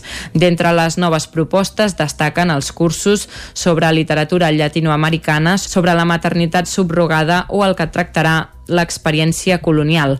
També es poden trobar formacions d'entrenament expressiu i visual, d'escriptura col·lectiva o sobre les dones en el món de la història de l'art. Tots aquests, com la gran majoria, s'oferiran de manera virtual, tot i que hi ha dues excepcions puntuals. L'una és el curs d'ornitologia sobre l'observació d'ocells que oferirà una sessió teòrica de dues hores i una altra de sortida de camp. I l'altra és la d'etologia, que estudia els cavalls a la natura i que oferirà una sessió única en format de seminari amb excursió. El nou curs que arrenca ara a la Universitat Popular serà la tercera edició que impulsa aquesta entitat educativa i que acabarà a mitjans de juny. Tota la informació específica de cada una de les formacions està disponible al web universitatpopularcaldesdemontbui.cat on les persones interessades poden fer la seva inscripció a través del formulari que hi ha disponible. La Roca del Vallès és la localització de la primera sèrie produïda per Filmin que ha començat el rodatge aquesta setmana. David Alboadell, de Ràdio Televisió, Cardedeu. El rodatge de la primera sèrie produïda per Filmin es titula Doctor Portuondo. Està creada i dirigida per Carlo Padial i dilluns va arrencar el rodatge a la Roca del Vallès, la localització escollida per la sèrie. La plataforma ha anunciat que s'han sumat al repartiment actors i personatges coneguts com Berto Romero, Arturo Valls, Olivia Del Can i Elisabet Casanovas. Editada per Blacky Books, la trama de la novel·la és una regressió autobiogràfica a la teràpia que el protagonista segueix amb el seu psicoanalista. En aquest cas, el pacient serà interpretat per Nacho Sánchez i Jorge Pergoria serà el doctor. Segons la productora, la previsió és estar quatre setmanes de rodatge i l'estrena està prevista pel mes d'octubre d'enguany. I quan són les 11 i 10 del matí, tanquem aquí el butlletí informatiu que us hem ofert amb les veus de Vicenç Vigues, Clàudia Dinarès, David Auladell, Caral Campàs i Isaac Muntades. I ara, abans de saludar la Cristina Enfruns, que cada 15 dies ens ajuda a parlar una mica millor el català, el que hem de fer és recuperar la informació meteorològica per saber el temps que ens espera tant per avui com també, bé, pel cap de setmana. Però el cap de setmana em sembla que en Pep ja ens ha dit a primera hora del matí que encara s'ho ha d'acabar de mirar això i ens ho detallarà demà. De moment, saludem-lo de nou, va.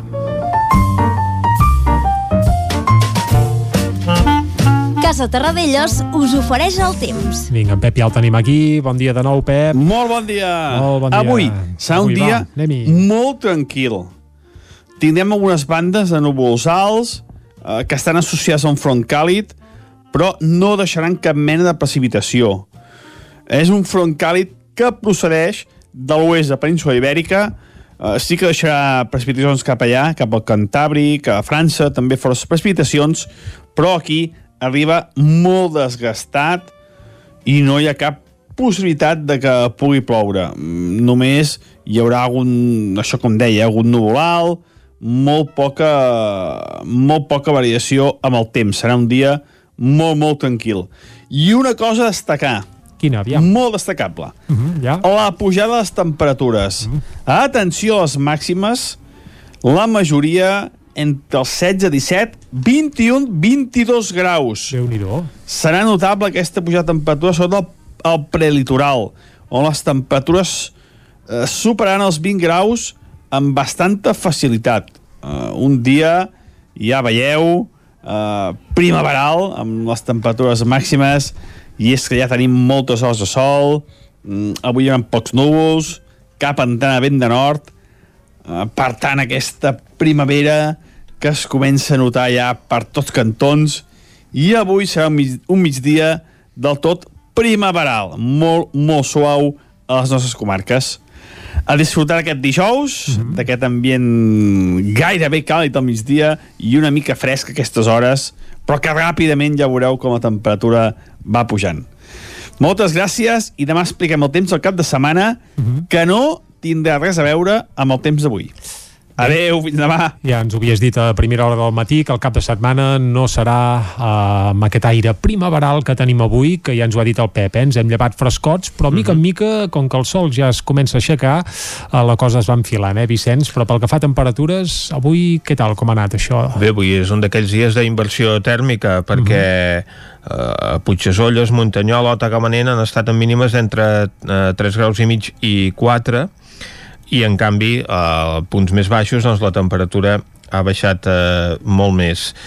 A Núria, per exemple, no hi ha arribat a glaçar, una dècima positiva, eh, tres dècimes a Tavernoles, mig grau positiu a les Masies de Roda, a Sant Julià de Vilatorta, a Ull de Ter, a Montesquiu, 7 dècimes a Camprodon, 8 a Roda, Vilallaons, a Gurb, a Vic, un grau positiu de mínima a Caldes de Montbui, a Santa Eulàlia de Riu Primer, a Sant Vicenç de Torelló, a Call d'Atenes o a Santa Cecília de Voltregà, un grau i mig a Uris o a Perafita, i punts on ha glaçat, Sant doncs... Sadurní d'Usor mort, no? Que s'endú el rècord novament, Ah, sí senyor. Bé, bé, bé, anem bé, anem bé. amb eh, dos graus i dues dècimes de temperatura mínima negatives. I també ha glaçat a Sant Pau de Segúries, a Rupit, a Sant Martí Sescorts, a Sora, a Malla, entre una i dues dècimes negatives. Aquests són els punts on avui ha glaçat ja Mhm. veiem doncs, que no és precisament com passava ahir, que els punts més elevats és on hi feia més fred. Inversió tèrmica. Sí, se'n senyor. Correcte.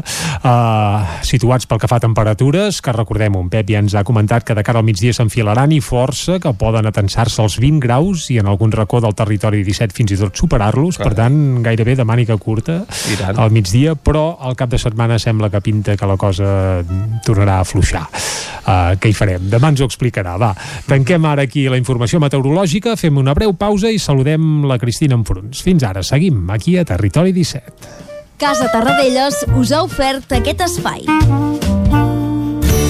Territori 17. Envia'ns les teves notes de veu per WhatsApp al 646 079 023. 646 079 023. WhatsApp Territori 17.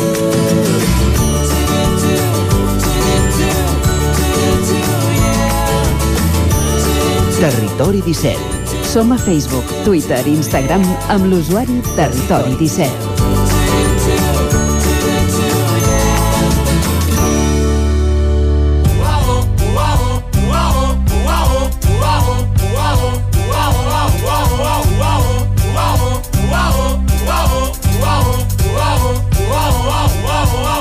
Me sobren paraules Doncs vinga, a la Cristina Enfruns mai li sobren paraules, no com els Antònia Font. Cristina, molt bon dia. Bon dia. Uh, I Vicenç, la Cristina, de què ens durà parlar avui? No ho sé, li haurem de demanar a veure, a veure de què ens vol A parlar veure, avui. a veure si tenim pistes. Doncs bé, Veiem, veiem. avui, uh, ara fa un any que va esclatar la pandèmia Sí. i m'agradaria fer un repàs de tot el que ha donat de si, lingüísticament parlant, tot aquest any, no? Com sabeu, aquí en aquesta secció i, i, i, i a tot arreu, doncs ha, ha donat molta feina això de nous termes que, que, que existien, que apareixien i d'altres que no es feien servir i en canvi doncs, han tornat a aparèixer, no? El primer que, que va sorgir va ser coronavirus. I per cert, aquest va ser el terme que no sé si, si, si vosaltres ho, ho sabeu o heu sentit que cada any hi ha el que s'anomena el neologisme de l'any, no? Sí, això és... i a més es vota i tot, eh, això? Exacte, és un concurs que, que fa l'Observatori d'Etnologia de l'UPF i, i la secció filològica de l'Institut d'Estudis Catalans i es tria un mot que representa que aquell any s'ha fet servir més. Doncs bé, de 10 candidats que hi havia, tots relacionats amb la pandèmia, va sortir aquest coronavirus. Eh? És el que va guanyar Mm, hi havia altres termes com videotrucada, mascareta, però bé, el guanyador va ser aquest. Quan el neologisme eh, el de l'any, diguéssim, en aquest, el neologisme del 2020, doncs, eh, eh, quan és guanyador, eh, el que es fa és normalment eh, apareix al diccionari de l'IEC, o sigui, té, té candidat, té, can, o sigui, té, pot aparèixer en el, en el diccionari, per tant, aquest terme coronavirus té totes les possibilitats doncs, que aparegui en el diccionari de l'IEC, que és el, el diccionari normatiu, per dir-ho d'una manera, no? Doncs aquest terme, que va ser el primer que va aparèixer, al final es va convertir en el neologisme del 2020. Recordeu que va sortir eh, coronavirus i Covid-19, no? I la pregunta que ens van fer ja en aquell moment va ser com ho escrivim, com ho pronunciem, quin gènere fem servir. Bé, doncs recordem coronavirus, una paraula composta, dues síl·labes, corona i virus, i per tant eh, ho hem de pronunciar així. Eh? No coronavirus, sinó coronavirus. Mm? I Covid, que encara tornem a, a insistir, paraula és una forma aguda, i amb gènere eh, femení, tot i que sí que hi veureu que hi ha discrepàncies, eh, que alguns el tracten com a masculí, d'altres eh, com a femení, però bé, Exacte. la forma que més s'ha inventat i que recomanen és eh, amb el gènere femení. Que quedi clar que va sense accent. Va sense accent, però hem de pronunciar-lo com a paraula aguda, eh, que encara, encara mateix. podem anar insistint que no es produeix. Mm, Aquesta va ser una, un, un dels reptes que vam tenir, no? a veure com havíem d'escriure, pronunciar aquestes paraules, i en aquesta secció també en vam parlar. Altres temes que han anat sortint en aquest any, per exemple, és el material que va, eh, que, que, per, per, per prevenir aquest virus, no? I la primera paraula que ens va sortir va ser mascareta. Uh -huh. I ens preguntàvem, està bé mascareta o hem de dir-ne màscara? Vam arribar a la conclusió que ens hi podem referir en qualsevol de les dues formes. Però mascarilla no, El eh? que no és, exacte, el que no podem parlar és de la mascarilla, eh? Per tant, mascareta, màscara, les podem fer servir totes dues, totes dues són al diccionari, mascaretes higièniques, mascaretes quirúrgiques, eh, però bé, mascarilla no. Eh? Aquest, aquest també va ser un terme que vam parlar. Els EPIs també, eh, que són aquests equips de, de protecció individual. És que és molt un llarg, eh? Equip de protecció individual és molt llarg, eh? I hem de buscar un...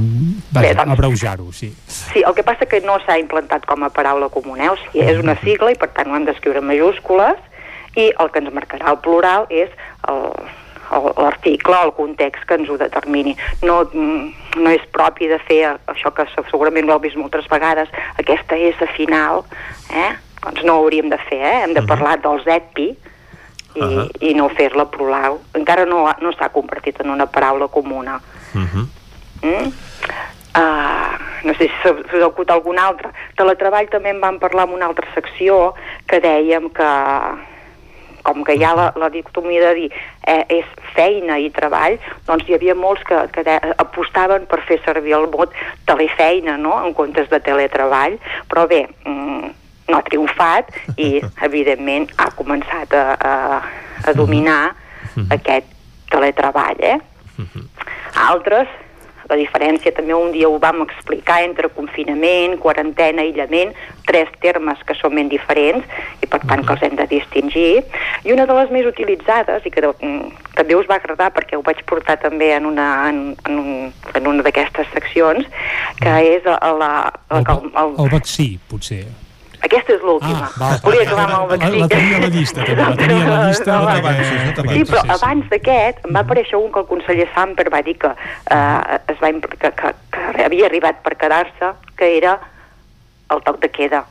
No sé si ho recordeu, eh? Sí, senyor, també. eh, es presentaven opcions, dèiem, poder, podíem dir-ne cobrafoc, seny d'ollada, però Mm. ja veiem que el que ha acabat triomfant ha estat toc de queda, no?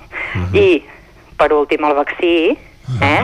eh? o sigui, la vacuna, que també podem anomenar vaccí, que de fet és la paraula que s'usa en gairebé totes les llengües, eh? ja ho vaig explicar en francès, en anglès, en portuguès, en italià, totes apareix eh, com a vaccí, però bé, nosaltres eh, són, són sinònims, predomina vacuna, vacunació per davant de, de vaccinació o vaccí, tot i que la forma al diccionari, la prioritària, seria vaccí, però ja veieu que nosaltres tendim més a fer servir aquesta vacuna. No És que tu has posat, has posat l'exemple de països que són independents i com que no és el nostre cas, doncs acabem Vinga. depenent del castellà. del castellà, doncs és així, és així clarament, sí, sí. Fa, bé, es, se sent una mica, eh, vaccí, però tot i així la predominant continua sent vacuna. Imagineu-vos el que ha donat l'any de termes que...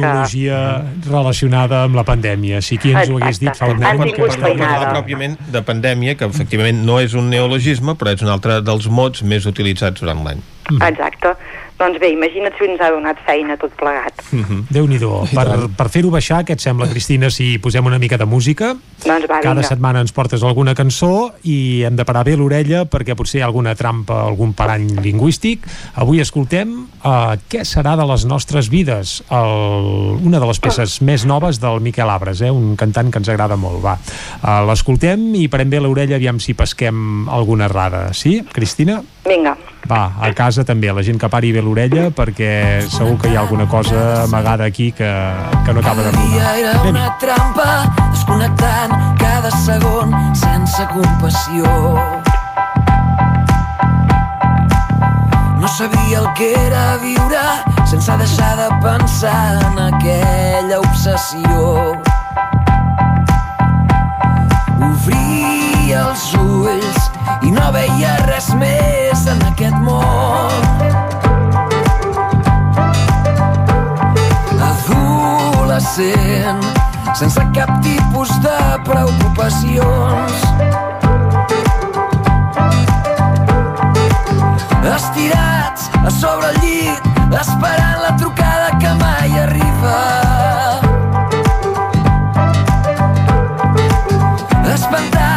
Pel futur que serà de les nostres vides? I què serà de les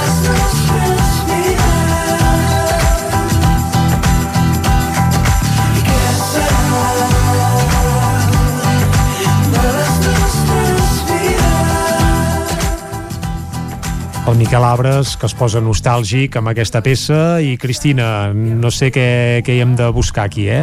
Casa Endena, Jordi, ara venia. Ah, ara, ah, ara venia! Amunt, amunt!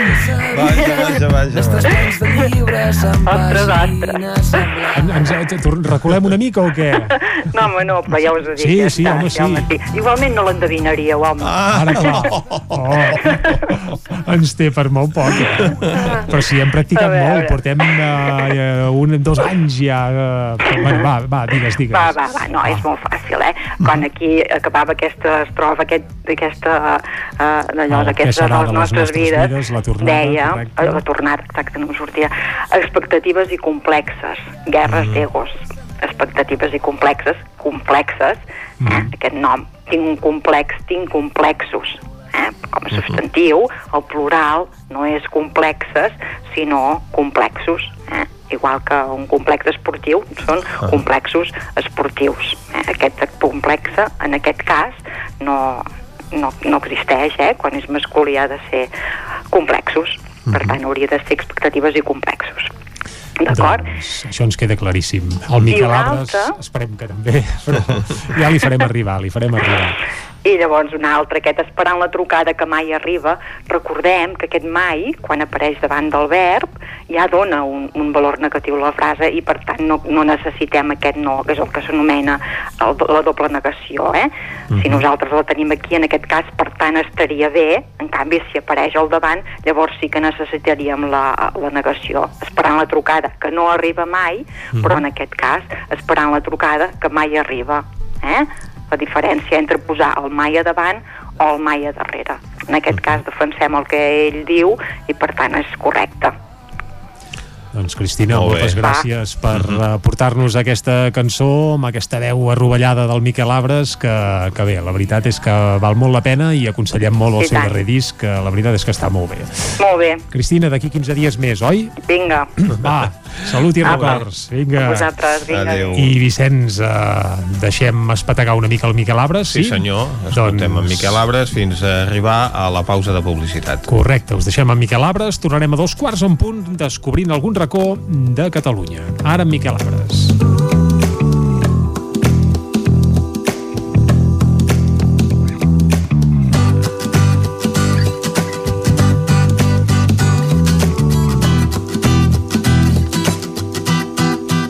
Territori 17. El nou FM, la ràdio de casa, al 92.8. Semblava impossible tenir veu, estudiar, treballar. Semblava impossible decidir sobre els nostres cossos. Semblava impossible tenir els mateixos drets. I a tu, què et sembla impossible? 8 de març, Dia Internacional de les Dones. Fèiem, fem i farem polítiques feministes. Diputació de Barcelona. El restaurant El Racó de León no s'oblida dels seus clients en aquests temps difícils i us ofereix els vostres plats preferits per emportar.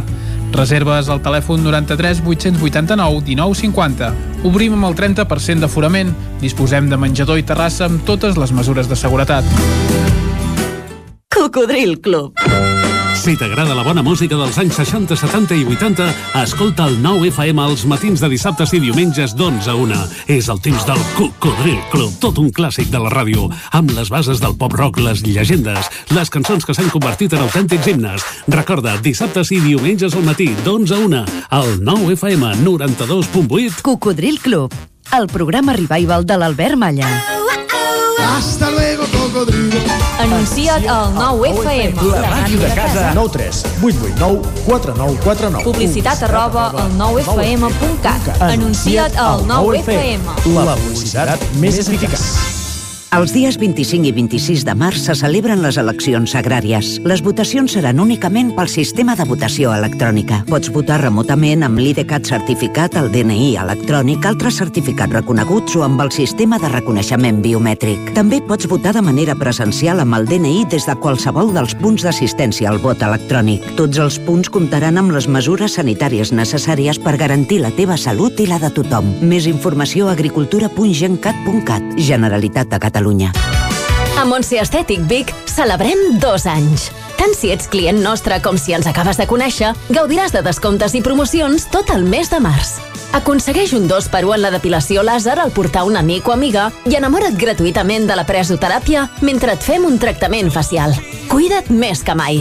Ara amb el 20% de descompte en tots els productes. Vine a Montse Estètic i mima't. Ens trobaràs a l'Avinguda Pius 12, número 26 de Vic. Al telèfon 672 1704 23 i a la web montsestètic.com. Hi ha sensacions que són úniques. Aquell bany relaxant, mirar per la finestra quan plou i com les calderes Bailand, que li ofereixen fins a 15 anys de cobertura total amb el servei tècnic oficial Bailand. Informis a Oficiat Nord trucant al 93 886 0040. Amb el servei tècnic oficial de Bailand, la seva caldera estarà en les millors mans. El nou FM, el nou FM, el nou FM.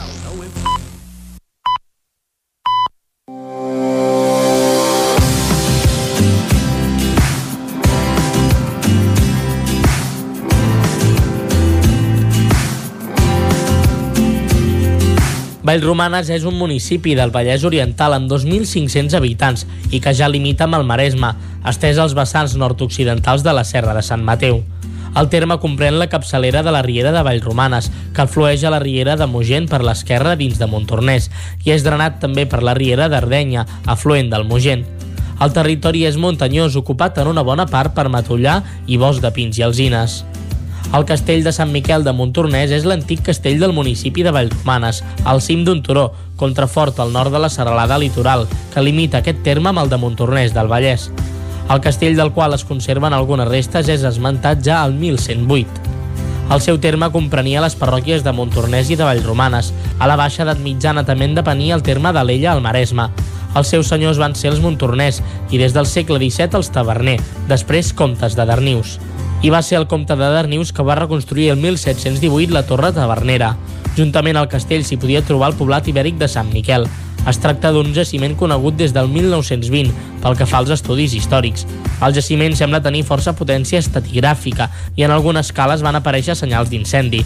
Les excavacions no van permetre veure l'entramat urbanístic del poblat, tot i que es van veure algunes filades inferiors que fan de fonaments d'alguns murs pertanyents a dues habitacions del vessant sud-est del turó. Actualment Vallromanes ha esdevingut centre de segona residència i estiueig i s'hi han creat algunes urbanitzacions i un càmping.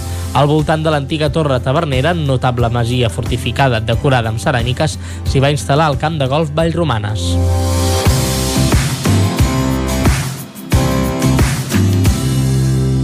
Territori 17 a Vallromanes potser hi podrem anar el cap de setmana que ve, Vicenç, perquè sembla que s'estan plantejant des del govern aixecar el confinament comarcal. A veure, Però, doncs, bé, si arriba aquest moment. Aviam, en teoria aquest migdia sembla que hi hauria d'haver alguna pronunciació del govern al respecte, per tant aquí Territori 17 ho seguirem i en tot cas us ho explicarem, si no és avui serà demà. Exacte. El que no serà demà és el nostre pas per la R3. No, senyor, perquè nosaltres no som Renfe i anem puntuals a la nostra secció ferroviària. Doncs vinga, anem-hi. A Trenc d'Alba, edició pandèmia. Ara sense els usuaris que ens explicaven les seves desgràcies a la R3, però amb els mateixos retards i problemes de sempre. Benvinguts a Tren d'Alba. Si ahir vam escoltar l'alcalde de Ripoll, Jordi Monell, parlant-nos de les actuacions previstes a la línia R3 en els pròxims mesos, avui escoltarem el president del Consell Comarcal del Ripollès, Joaquim Colomer, que va parlar d'obres relacionades amb el tren molt importants també. De fet, al final va revelar una notícia que, si més no, és esperançadora. Pareu l'orella. Afegir que, que no fa gaire doncs, vaig estar amb l'Ignacio Meana, el subdirector d'Infraestructures d'Adif, uh, i uh, serà qui portarà doncs, una mica també la rehabilitació del viaducte eh, en el terme municipal de Ripoll, des de la sortida de l'estació de trens fins a l'entrada doncs, de, del túnel, eh, cosa que es licitarà en breu també. eh, també doncs, que em va enviar l'adjudicació de les obres de façana i coberta de l'estació de Vic, cosa que també doncs, afecta i els passatgers d'aquesta línia. Aquesta també doncs, ja està eh, adjudicada i en breu doncs, es posarà en marxa i que també doncs, eh, en breu eh, ens faran doncs, una invitació per anar a veure les obres del túnel de Toses per veure l'estat que estan i en el moment doncs, que, que estan d'obra. Si el túnel de Toses s'hi pot anar a fer una visita d'obres, sempre és una bona senyal, perquè segurament voldrà dir que no tenen por que els hi caigui alguna pedra al cap a dins del túnel, i potser encara que el retard inicial previst era d'uns 3 mesos, al final s'escurça una mica. A veure, no som molt optimistes veient els antecedents, però s'ha de confiar. Va, ens retrobem demà amb més històries del tren i de l'R3. Territori 17 El racó de pensar a Territori 17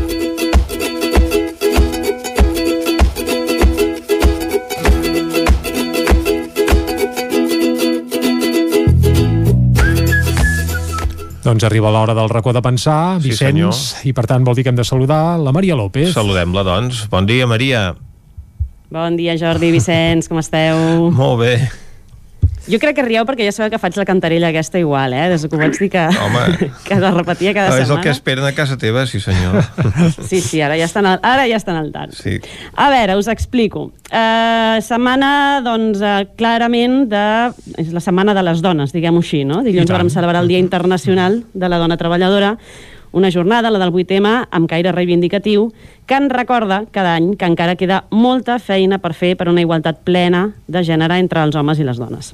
I és que és realment difícil que les coses canvin. Si per moltes lleis que es vulguin fer i per molta lluita, si seguim educant de la mateixa manera. Perquè si alguna cosa ens ha ensenyat la coeducació és que totes i tots, amb menys o menys, o sigui, una mica més o menys de consciència, repetim i repetim certs rols masclistes amb el que ens han educat a nosaltres. Uh, D'això en som conscients i algunes persones ja ho estem intentant canviar, però de què serveix tot aquest esforç si després tot el que ens envolta reprodueix aquestes diferències?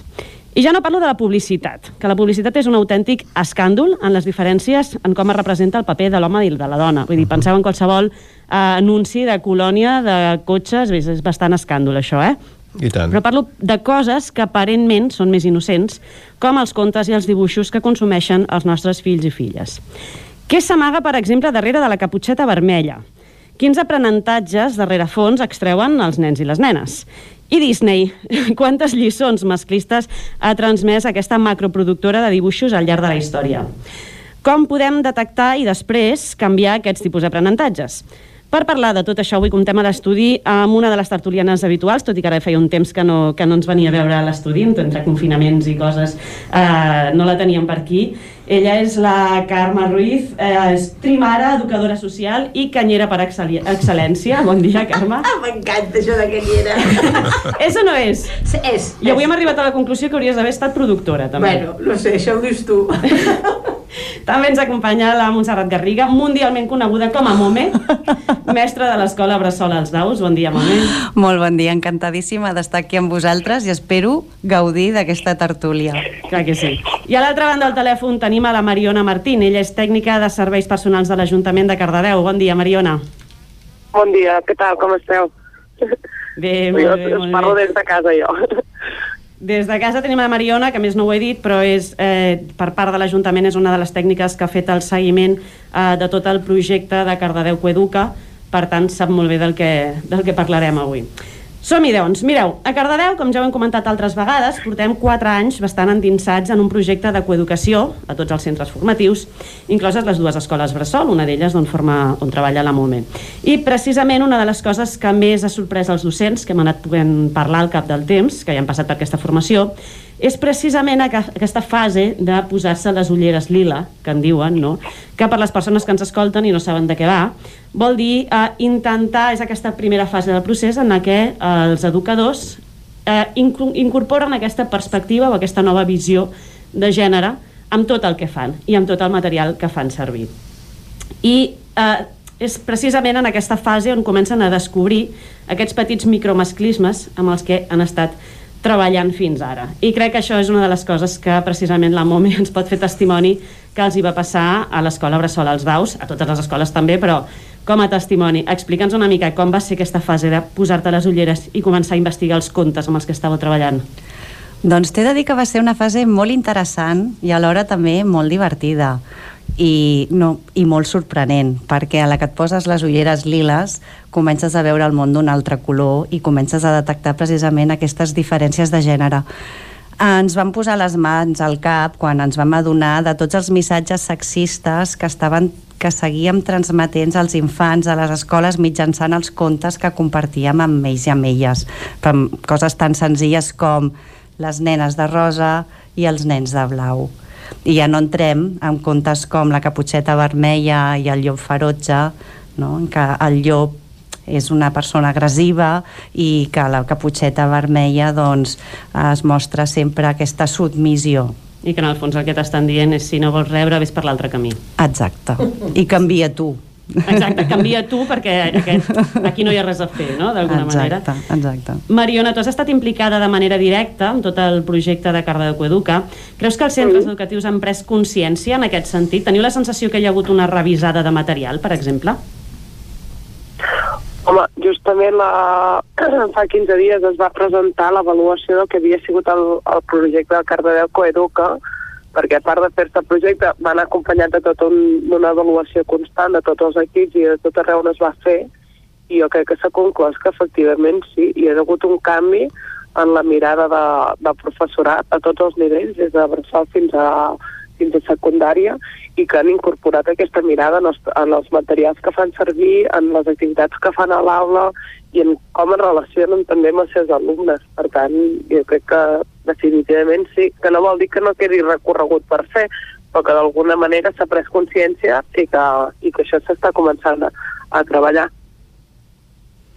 Carme, les teves filles ja són grans, però no sé si en el vostre cas, tu que d'alguna manera ja estaves com bastant conscienciada, crec que en tot aquest aspecte, vas haver, t'ha costat molt trobar contes i material quan les teves filles eren petites per d'alguna manera poder transmetre aprenentatges a través del, dels contes? Uh, D'entrada diré que a casa meva les meves filles no van veure Disney fins que no van tenir 10 anys Disney vol dir, vol dir qualsevol pel·lícula Disney. Nosaltres ja havíem, havíem decidit que a casa només entraria a, a tots aquells documents que nosaltres poguéssim d'alguna manera validar i que no ens permetés i que no haguéssim d'estar um, d'alguna manera explicant a les criatures que allò era un rol erroni i una de les coses que vam decidir va ser que Disney era ens anava, ens anava alliçonant cap a un camí que nosaltres no volíem que les nostres criatures arribessin a, a, a, a tenir. A part d'això, eh, nosaltres veient que els contes tradicionals també és allò, la caputxeta vermella, la, la pobra Blancaneus i els maleïts set nans, eh, i no seguirem per aquí perquè acabaríem les set cabretes i el llop i aquestes cosetes, el que acabes fent és eh, fent una recerca molt intensiva de contes um, en els que acabes rescatant tres o quatre títols i la resta dels inventes. I nosaltres el que, el que fèiem a casa era explicar els contes nosaltres, perquè en realitat, quan la meva filla gran, que ara té 20 anys, quasi 21, fa 20 anys no hi havia massa contes en el que es parlés ni de sentiments ni de, ni de rols. Aleshores eh, estava de, determinat que les nenes fregaven, planxaven i ploraven i eren unes faves com la caputxeta vermella i estava predeterminat que els nois eren els que anaven a treballar, arreglaven les, els cotxes o feien bricolatge i a més a més doncs, eh, eren els llops ferotges no? i ens havíem de sotmetre i com que nosaltres no, no, no, no combregàvem per aquí, vam decidir que la gran majoria de contes els explicaríem nosaltres. I com que a mi m'agrada molt explicar contes, doncs me'ls inventava. A vegades, mireu, el, em dóna la sensació de que la gent, tot i que és conscient que Disney o aquests contes tenen aquest rerefons, a vegades fins que no t'assenyalen directament en aquest conte tens això, això i això, no pares i te n'adones. Així que jo us proposo un joc. Vinga, som-hi. Anem a fer aquest exercici de posar-nos les ulleres liles entre totes i a veure si som capaces de detectar alguns d'aquests micro micromasclismes en uns exemples que us posaré ara. Val? Això és examen de primer grau. jo, no, jo em pensava que venia a parlar només. No, aquí, aquí les passes magres. Mireu, va, a 25 pessetes, que diria la Mayra Gómez Kem, a 25 pessetes per resposta encertada. Digueu-me tres micromasclismes, amagats hi ha molts més, eh? però tres va d'entrada a la Blancaneus.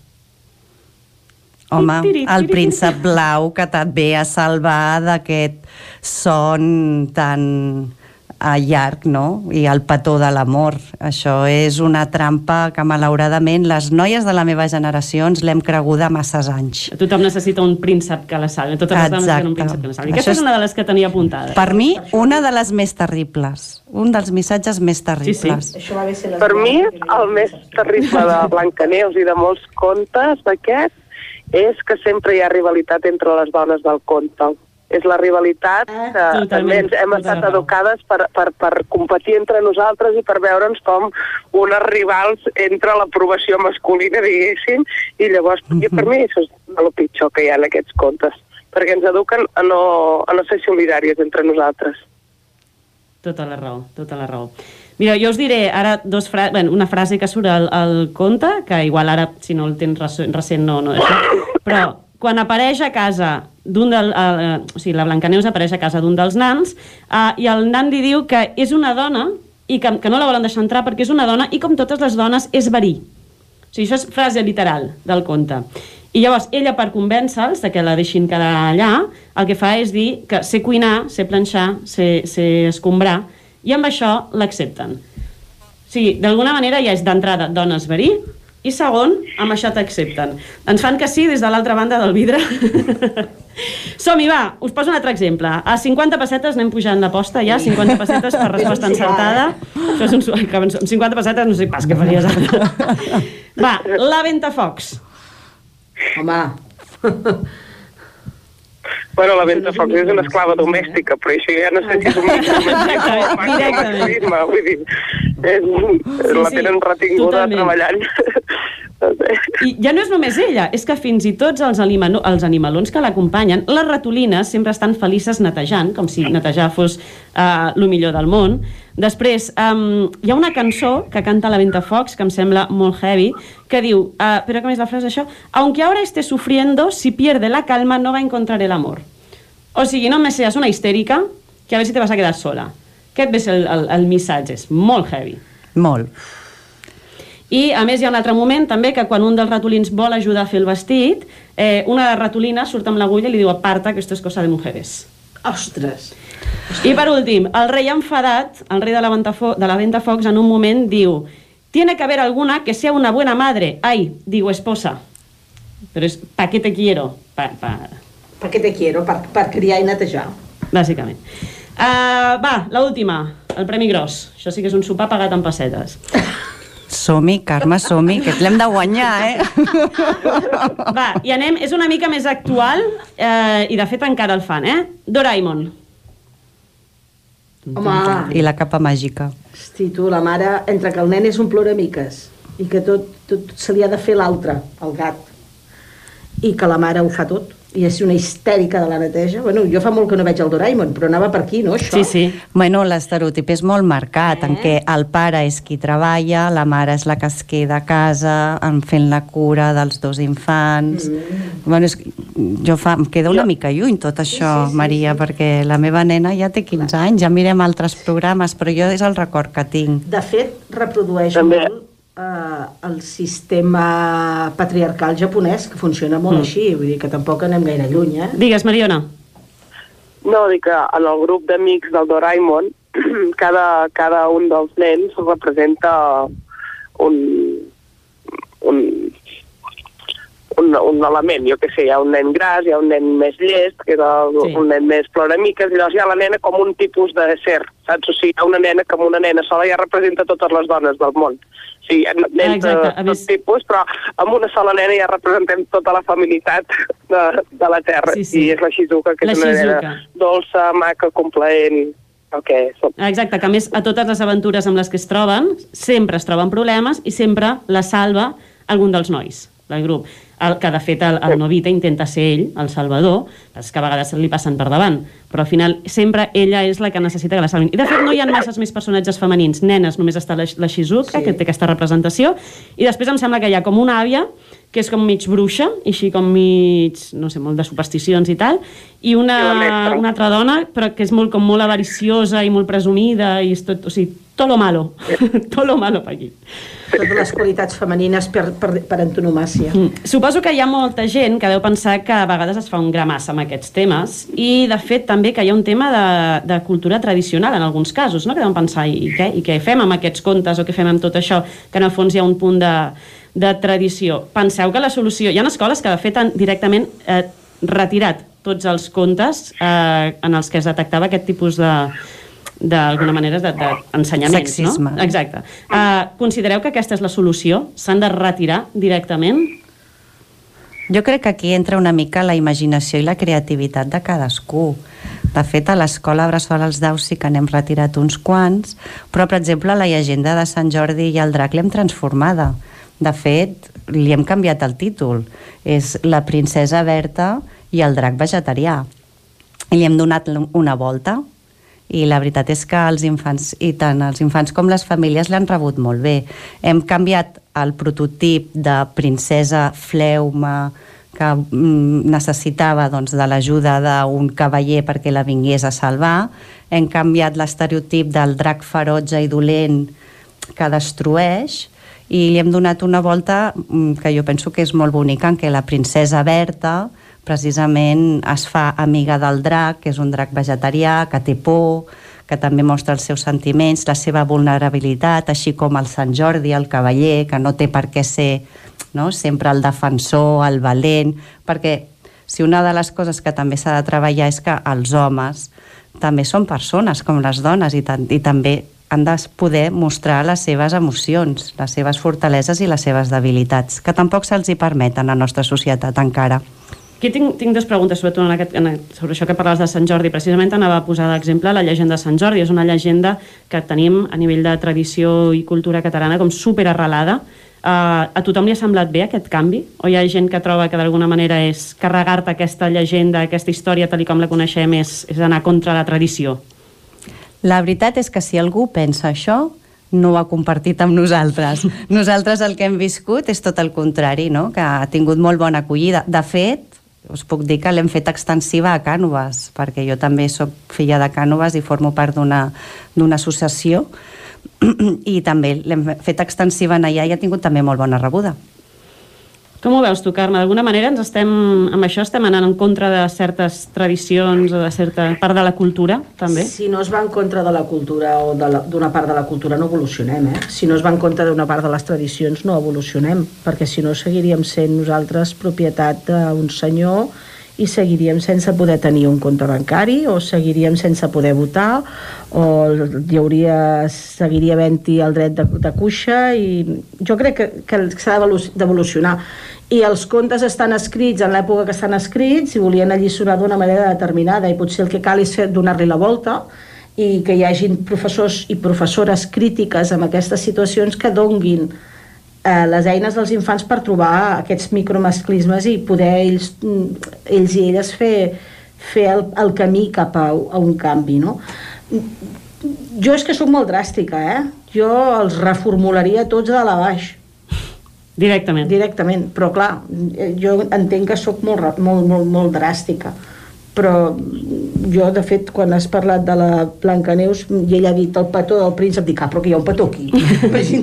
sí, de fet, li es menja la poma, queda adormida. Queda adormida. Aquesta és una altra, tant a la, a la... Quina és la que es punxa? La, ve, la vella, també, la, vella dorment. Sí, la vella dorment. I l'altra, eh, li, els hi fan un petó, estan dormides. Sí. Això massa consentit no és. Això és més aviat violència. Sí, podríem... Sí, sí, perquè realment és aprofito que està dormida i, ah, segur que vol un petó. És com, a si aquí el jutge vingués diria que no hi ha res per això. Uf! consentiment.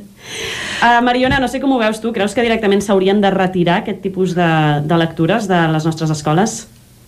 Jo crec que és difícil retirar-la perquè la pots retirar d'un prestatge d'una escola, però és difícil retirar tota una història de literatura sinó que convé, per mi, una estratègia doncs, que cada professor senti còmode, però potser oferir més alternatives, no? Potser explicar un conte i, i després repensar-lo, donar-li una mirada crítica, oferir una altra versió, oferir un, el mateix conte que l'hagi inventat algú i comparar-lo. O sigui, fer com un exercici de crítica, no? Perquè crec que els contes i, i la literatura i els llibres um, és veritat que expressen uns valors de, de la societat en el moment en què es van escriure per tant, crec que podem uh, trobar materials que expliquin els valors de la societat en la que vivim ara i crear referents que siguin vàlids ara mateix. I també, com m'agradaria afegir, no només des de la mirada de gènere, que és molt important, i això sí que també s'ha treballat una miqueta des del, des del Coeduca, sinó també des d'una mirada més interseccional, que, que pràcticament no tenim comptes a les escoles on hi apareixin persones racialitzades o persones amb que tinguin alguna discapacitat o que siguin. No? Llavors, incorporar totes aquestes realitats perquè hi són i perquè formen part d'això i perquè també les hem d'educar. No? Llavors, jo seria més acumulatiu, saps? El que ja tenim, ficar-hi una mirada crítica i afegir més. A més, el que sol passar, no sé si esteu d'acord, és que amb la majoria de contes que van apareixent en aquest sentit, que sí que incorporen aquesta mirada, són contes molt adreçats a aquest tema. No? O sigui, és, anem a parlar de famílies diverses, anem a parlar de tipus de... i tots som iguals, i es treballa sempre... O sigui, no és una cosa casual, no és que amb una història de qualsevol tipus resulta que un personatge és així o aixà, sinó que de moment s'estan incorporant, però s'estan incorporant molt amb la consciència de anem a treballar la diversitat. I no sé si ajuda això. I a petita infància, mm. perquè amb adolescents costa molt de trobar documents d'aquests. I amb ells, amb els adolescents, ja com que se'ns escapa una mica el que llegeixen, no? Però sí que és veritat que eh, només està pensat, o com a mínim jo el que veig és que es focalitza molt en la petita infància i que a partir d'aquí quan surten d'aquesta petita infància ja costa més de trobar segons quines coses que, que incloguin aquest, aquest, mm, aquesta diversitat d'una forma absolutament natural i que formi part d'aquest mm. Un últim apunt sobre una cosa que, fet, que comentava la Mome abans. Ai, perdó, em sembla que no vas a parlar. Uh, que parlava precisament també del paper dels homes, perquè hem parlat d'alguna manera de com aquestes, aquests contes o aquests dibuixos no han afavorit gens el paper de la dona, però tampoc han ajudat res als homes, perquè d'alguna manera és el que dèiem, es considera com una cosa negativa eh, la debilitat o la mostra dels sentiments, no? Correcte, així ho he viscut jo en el meu entorn familiar on he nascut amb el meu germà i de fet amb els homes de la meva generació. Per això també és una cosa que està canviant com de fet la literatura, la literatura infantil també està canviant. Jo em defineixo per una persona bastant positiva i tinc un, un, una visió bastant positiva sobre les persones en general. I penso que ara tot just s'està començant a crear aquesta literatura i per això ara ve tot tan especificat, més identificat, no? anem a treballar la diversitat, anem a treballar la intel·ligència emocional, però jo confio que això anirà evolucionant i no ens queda pas tant, perquè si jo tiro la mirada enrere fa 3 o 4 anys, m'estic adonant de que la literatura infantil envers la mirada coeducativa, envers la, la anar en contra de la legitimofòbia, a incluir no, les persones que són diferents, perquè al cap i a la fi tothom som diferents a tothom, cada cop n'hi ha més. Per tant, penso que, això anirà en augment i que també anirà doncs, en, cap a les etapes doncs, de primària i, i, i fins a arribar a l'adolescència i, i a les persones adultes, perquè estem creant una nova generació. Vull pensar en nous valors i amb una mirada diferent del món. I també això evidentment inclou els infants, els homes. A l'escola Bressol treballem les emocions tant amb nois com amb noies. És que doncs Tots són aquesta, persones. Amb aquesta música que ens arriba de fons i amb aquesta nova mirada que deia la Mome, que tant de bo comenci a calar de veritat a la nostra societat i a la nostra manera d'educar, arriba al final de la tertúlia d'avui, del racó de pensar d'avui, que ens passa volant. Això ja sabeu que les tertúlies aquestes ens passen molt ràpid. Moltes gràcies, Mariona, a l'altra banda del telèfon. Moltes gràcies, gràcies Mome. Moltes gràcies, Carme. Gràcies a tu i gràcies a vosaltres. Un merci, plaer. Merci. És, és un luxe venir cap aquí. Ja sabeu on teniu casa vostra i benvingudes tots els dijous que vulgueu. Uh, Jordi Vicenç, us torno un relleu a Vic i ens acomiadem ja del racó de pensar. Fins dijous vinent amb un nou tema i una nova bona intenció un dijous més per fer-ho cada dia una mica millor. Moltes gràcies.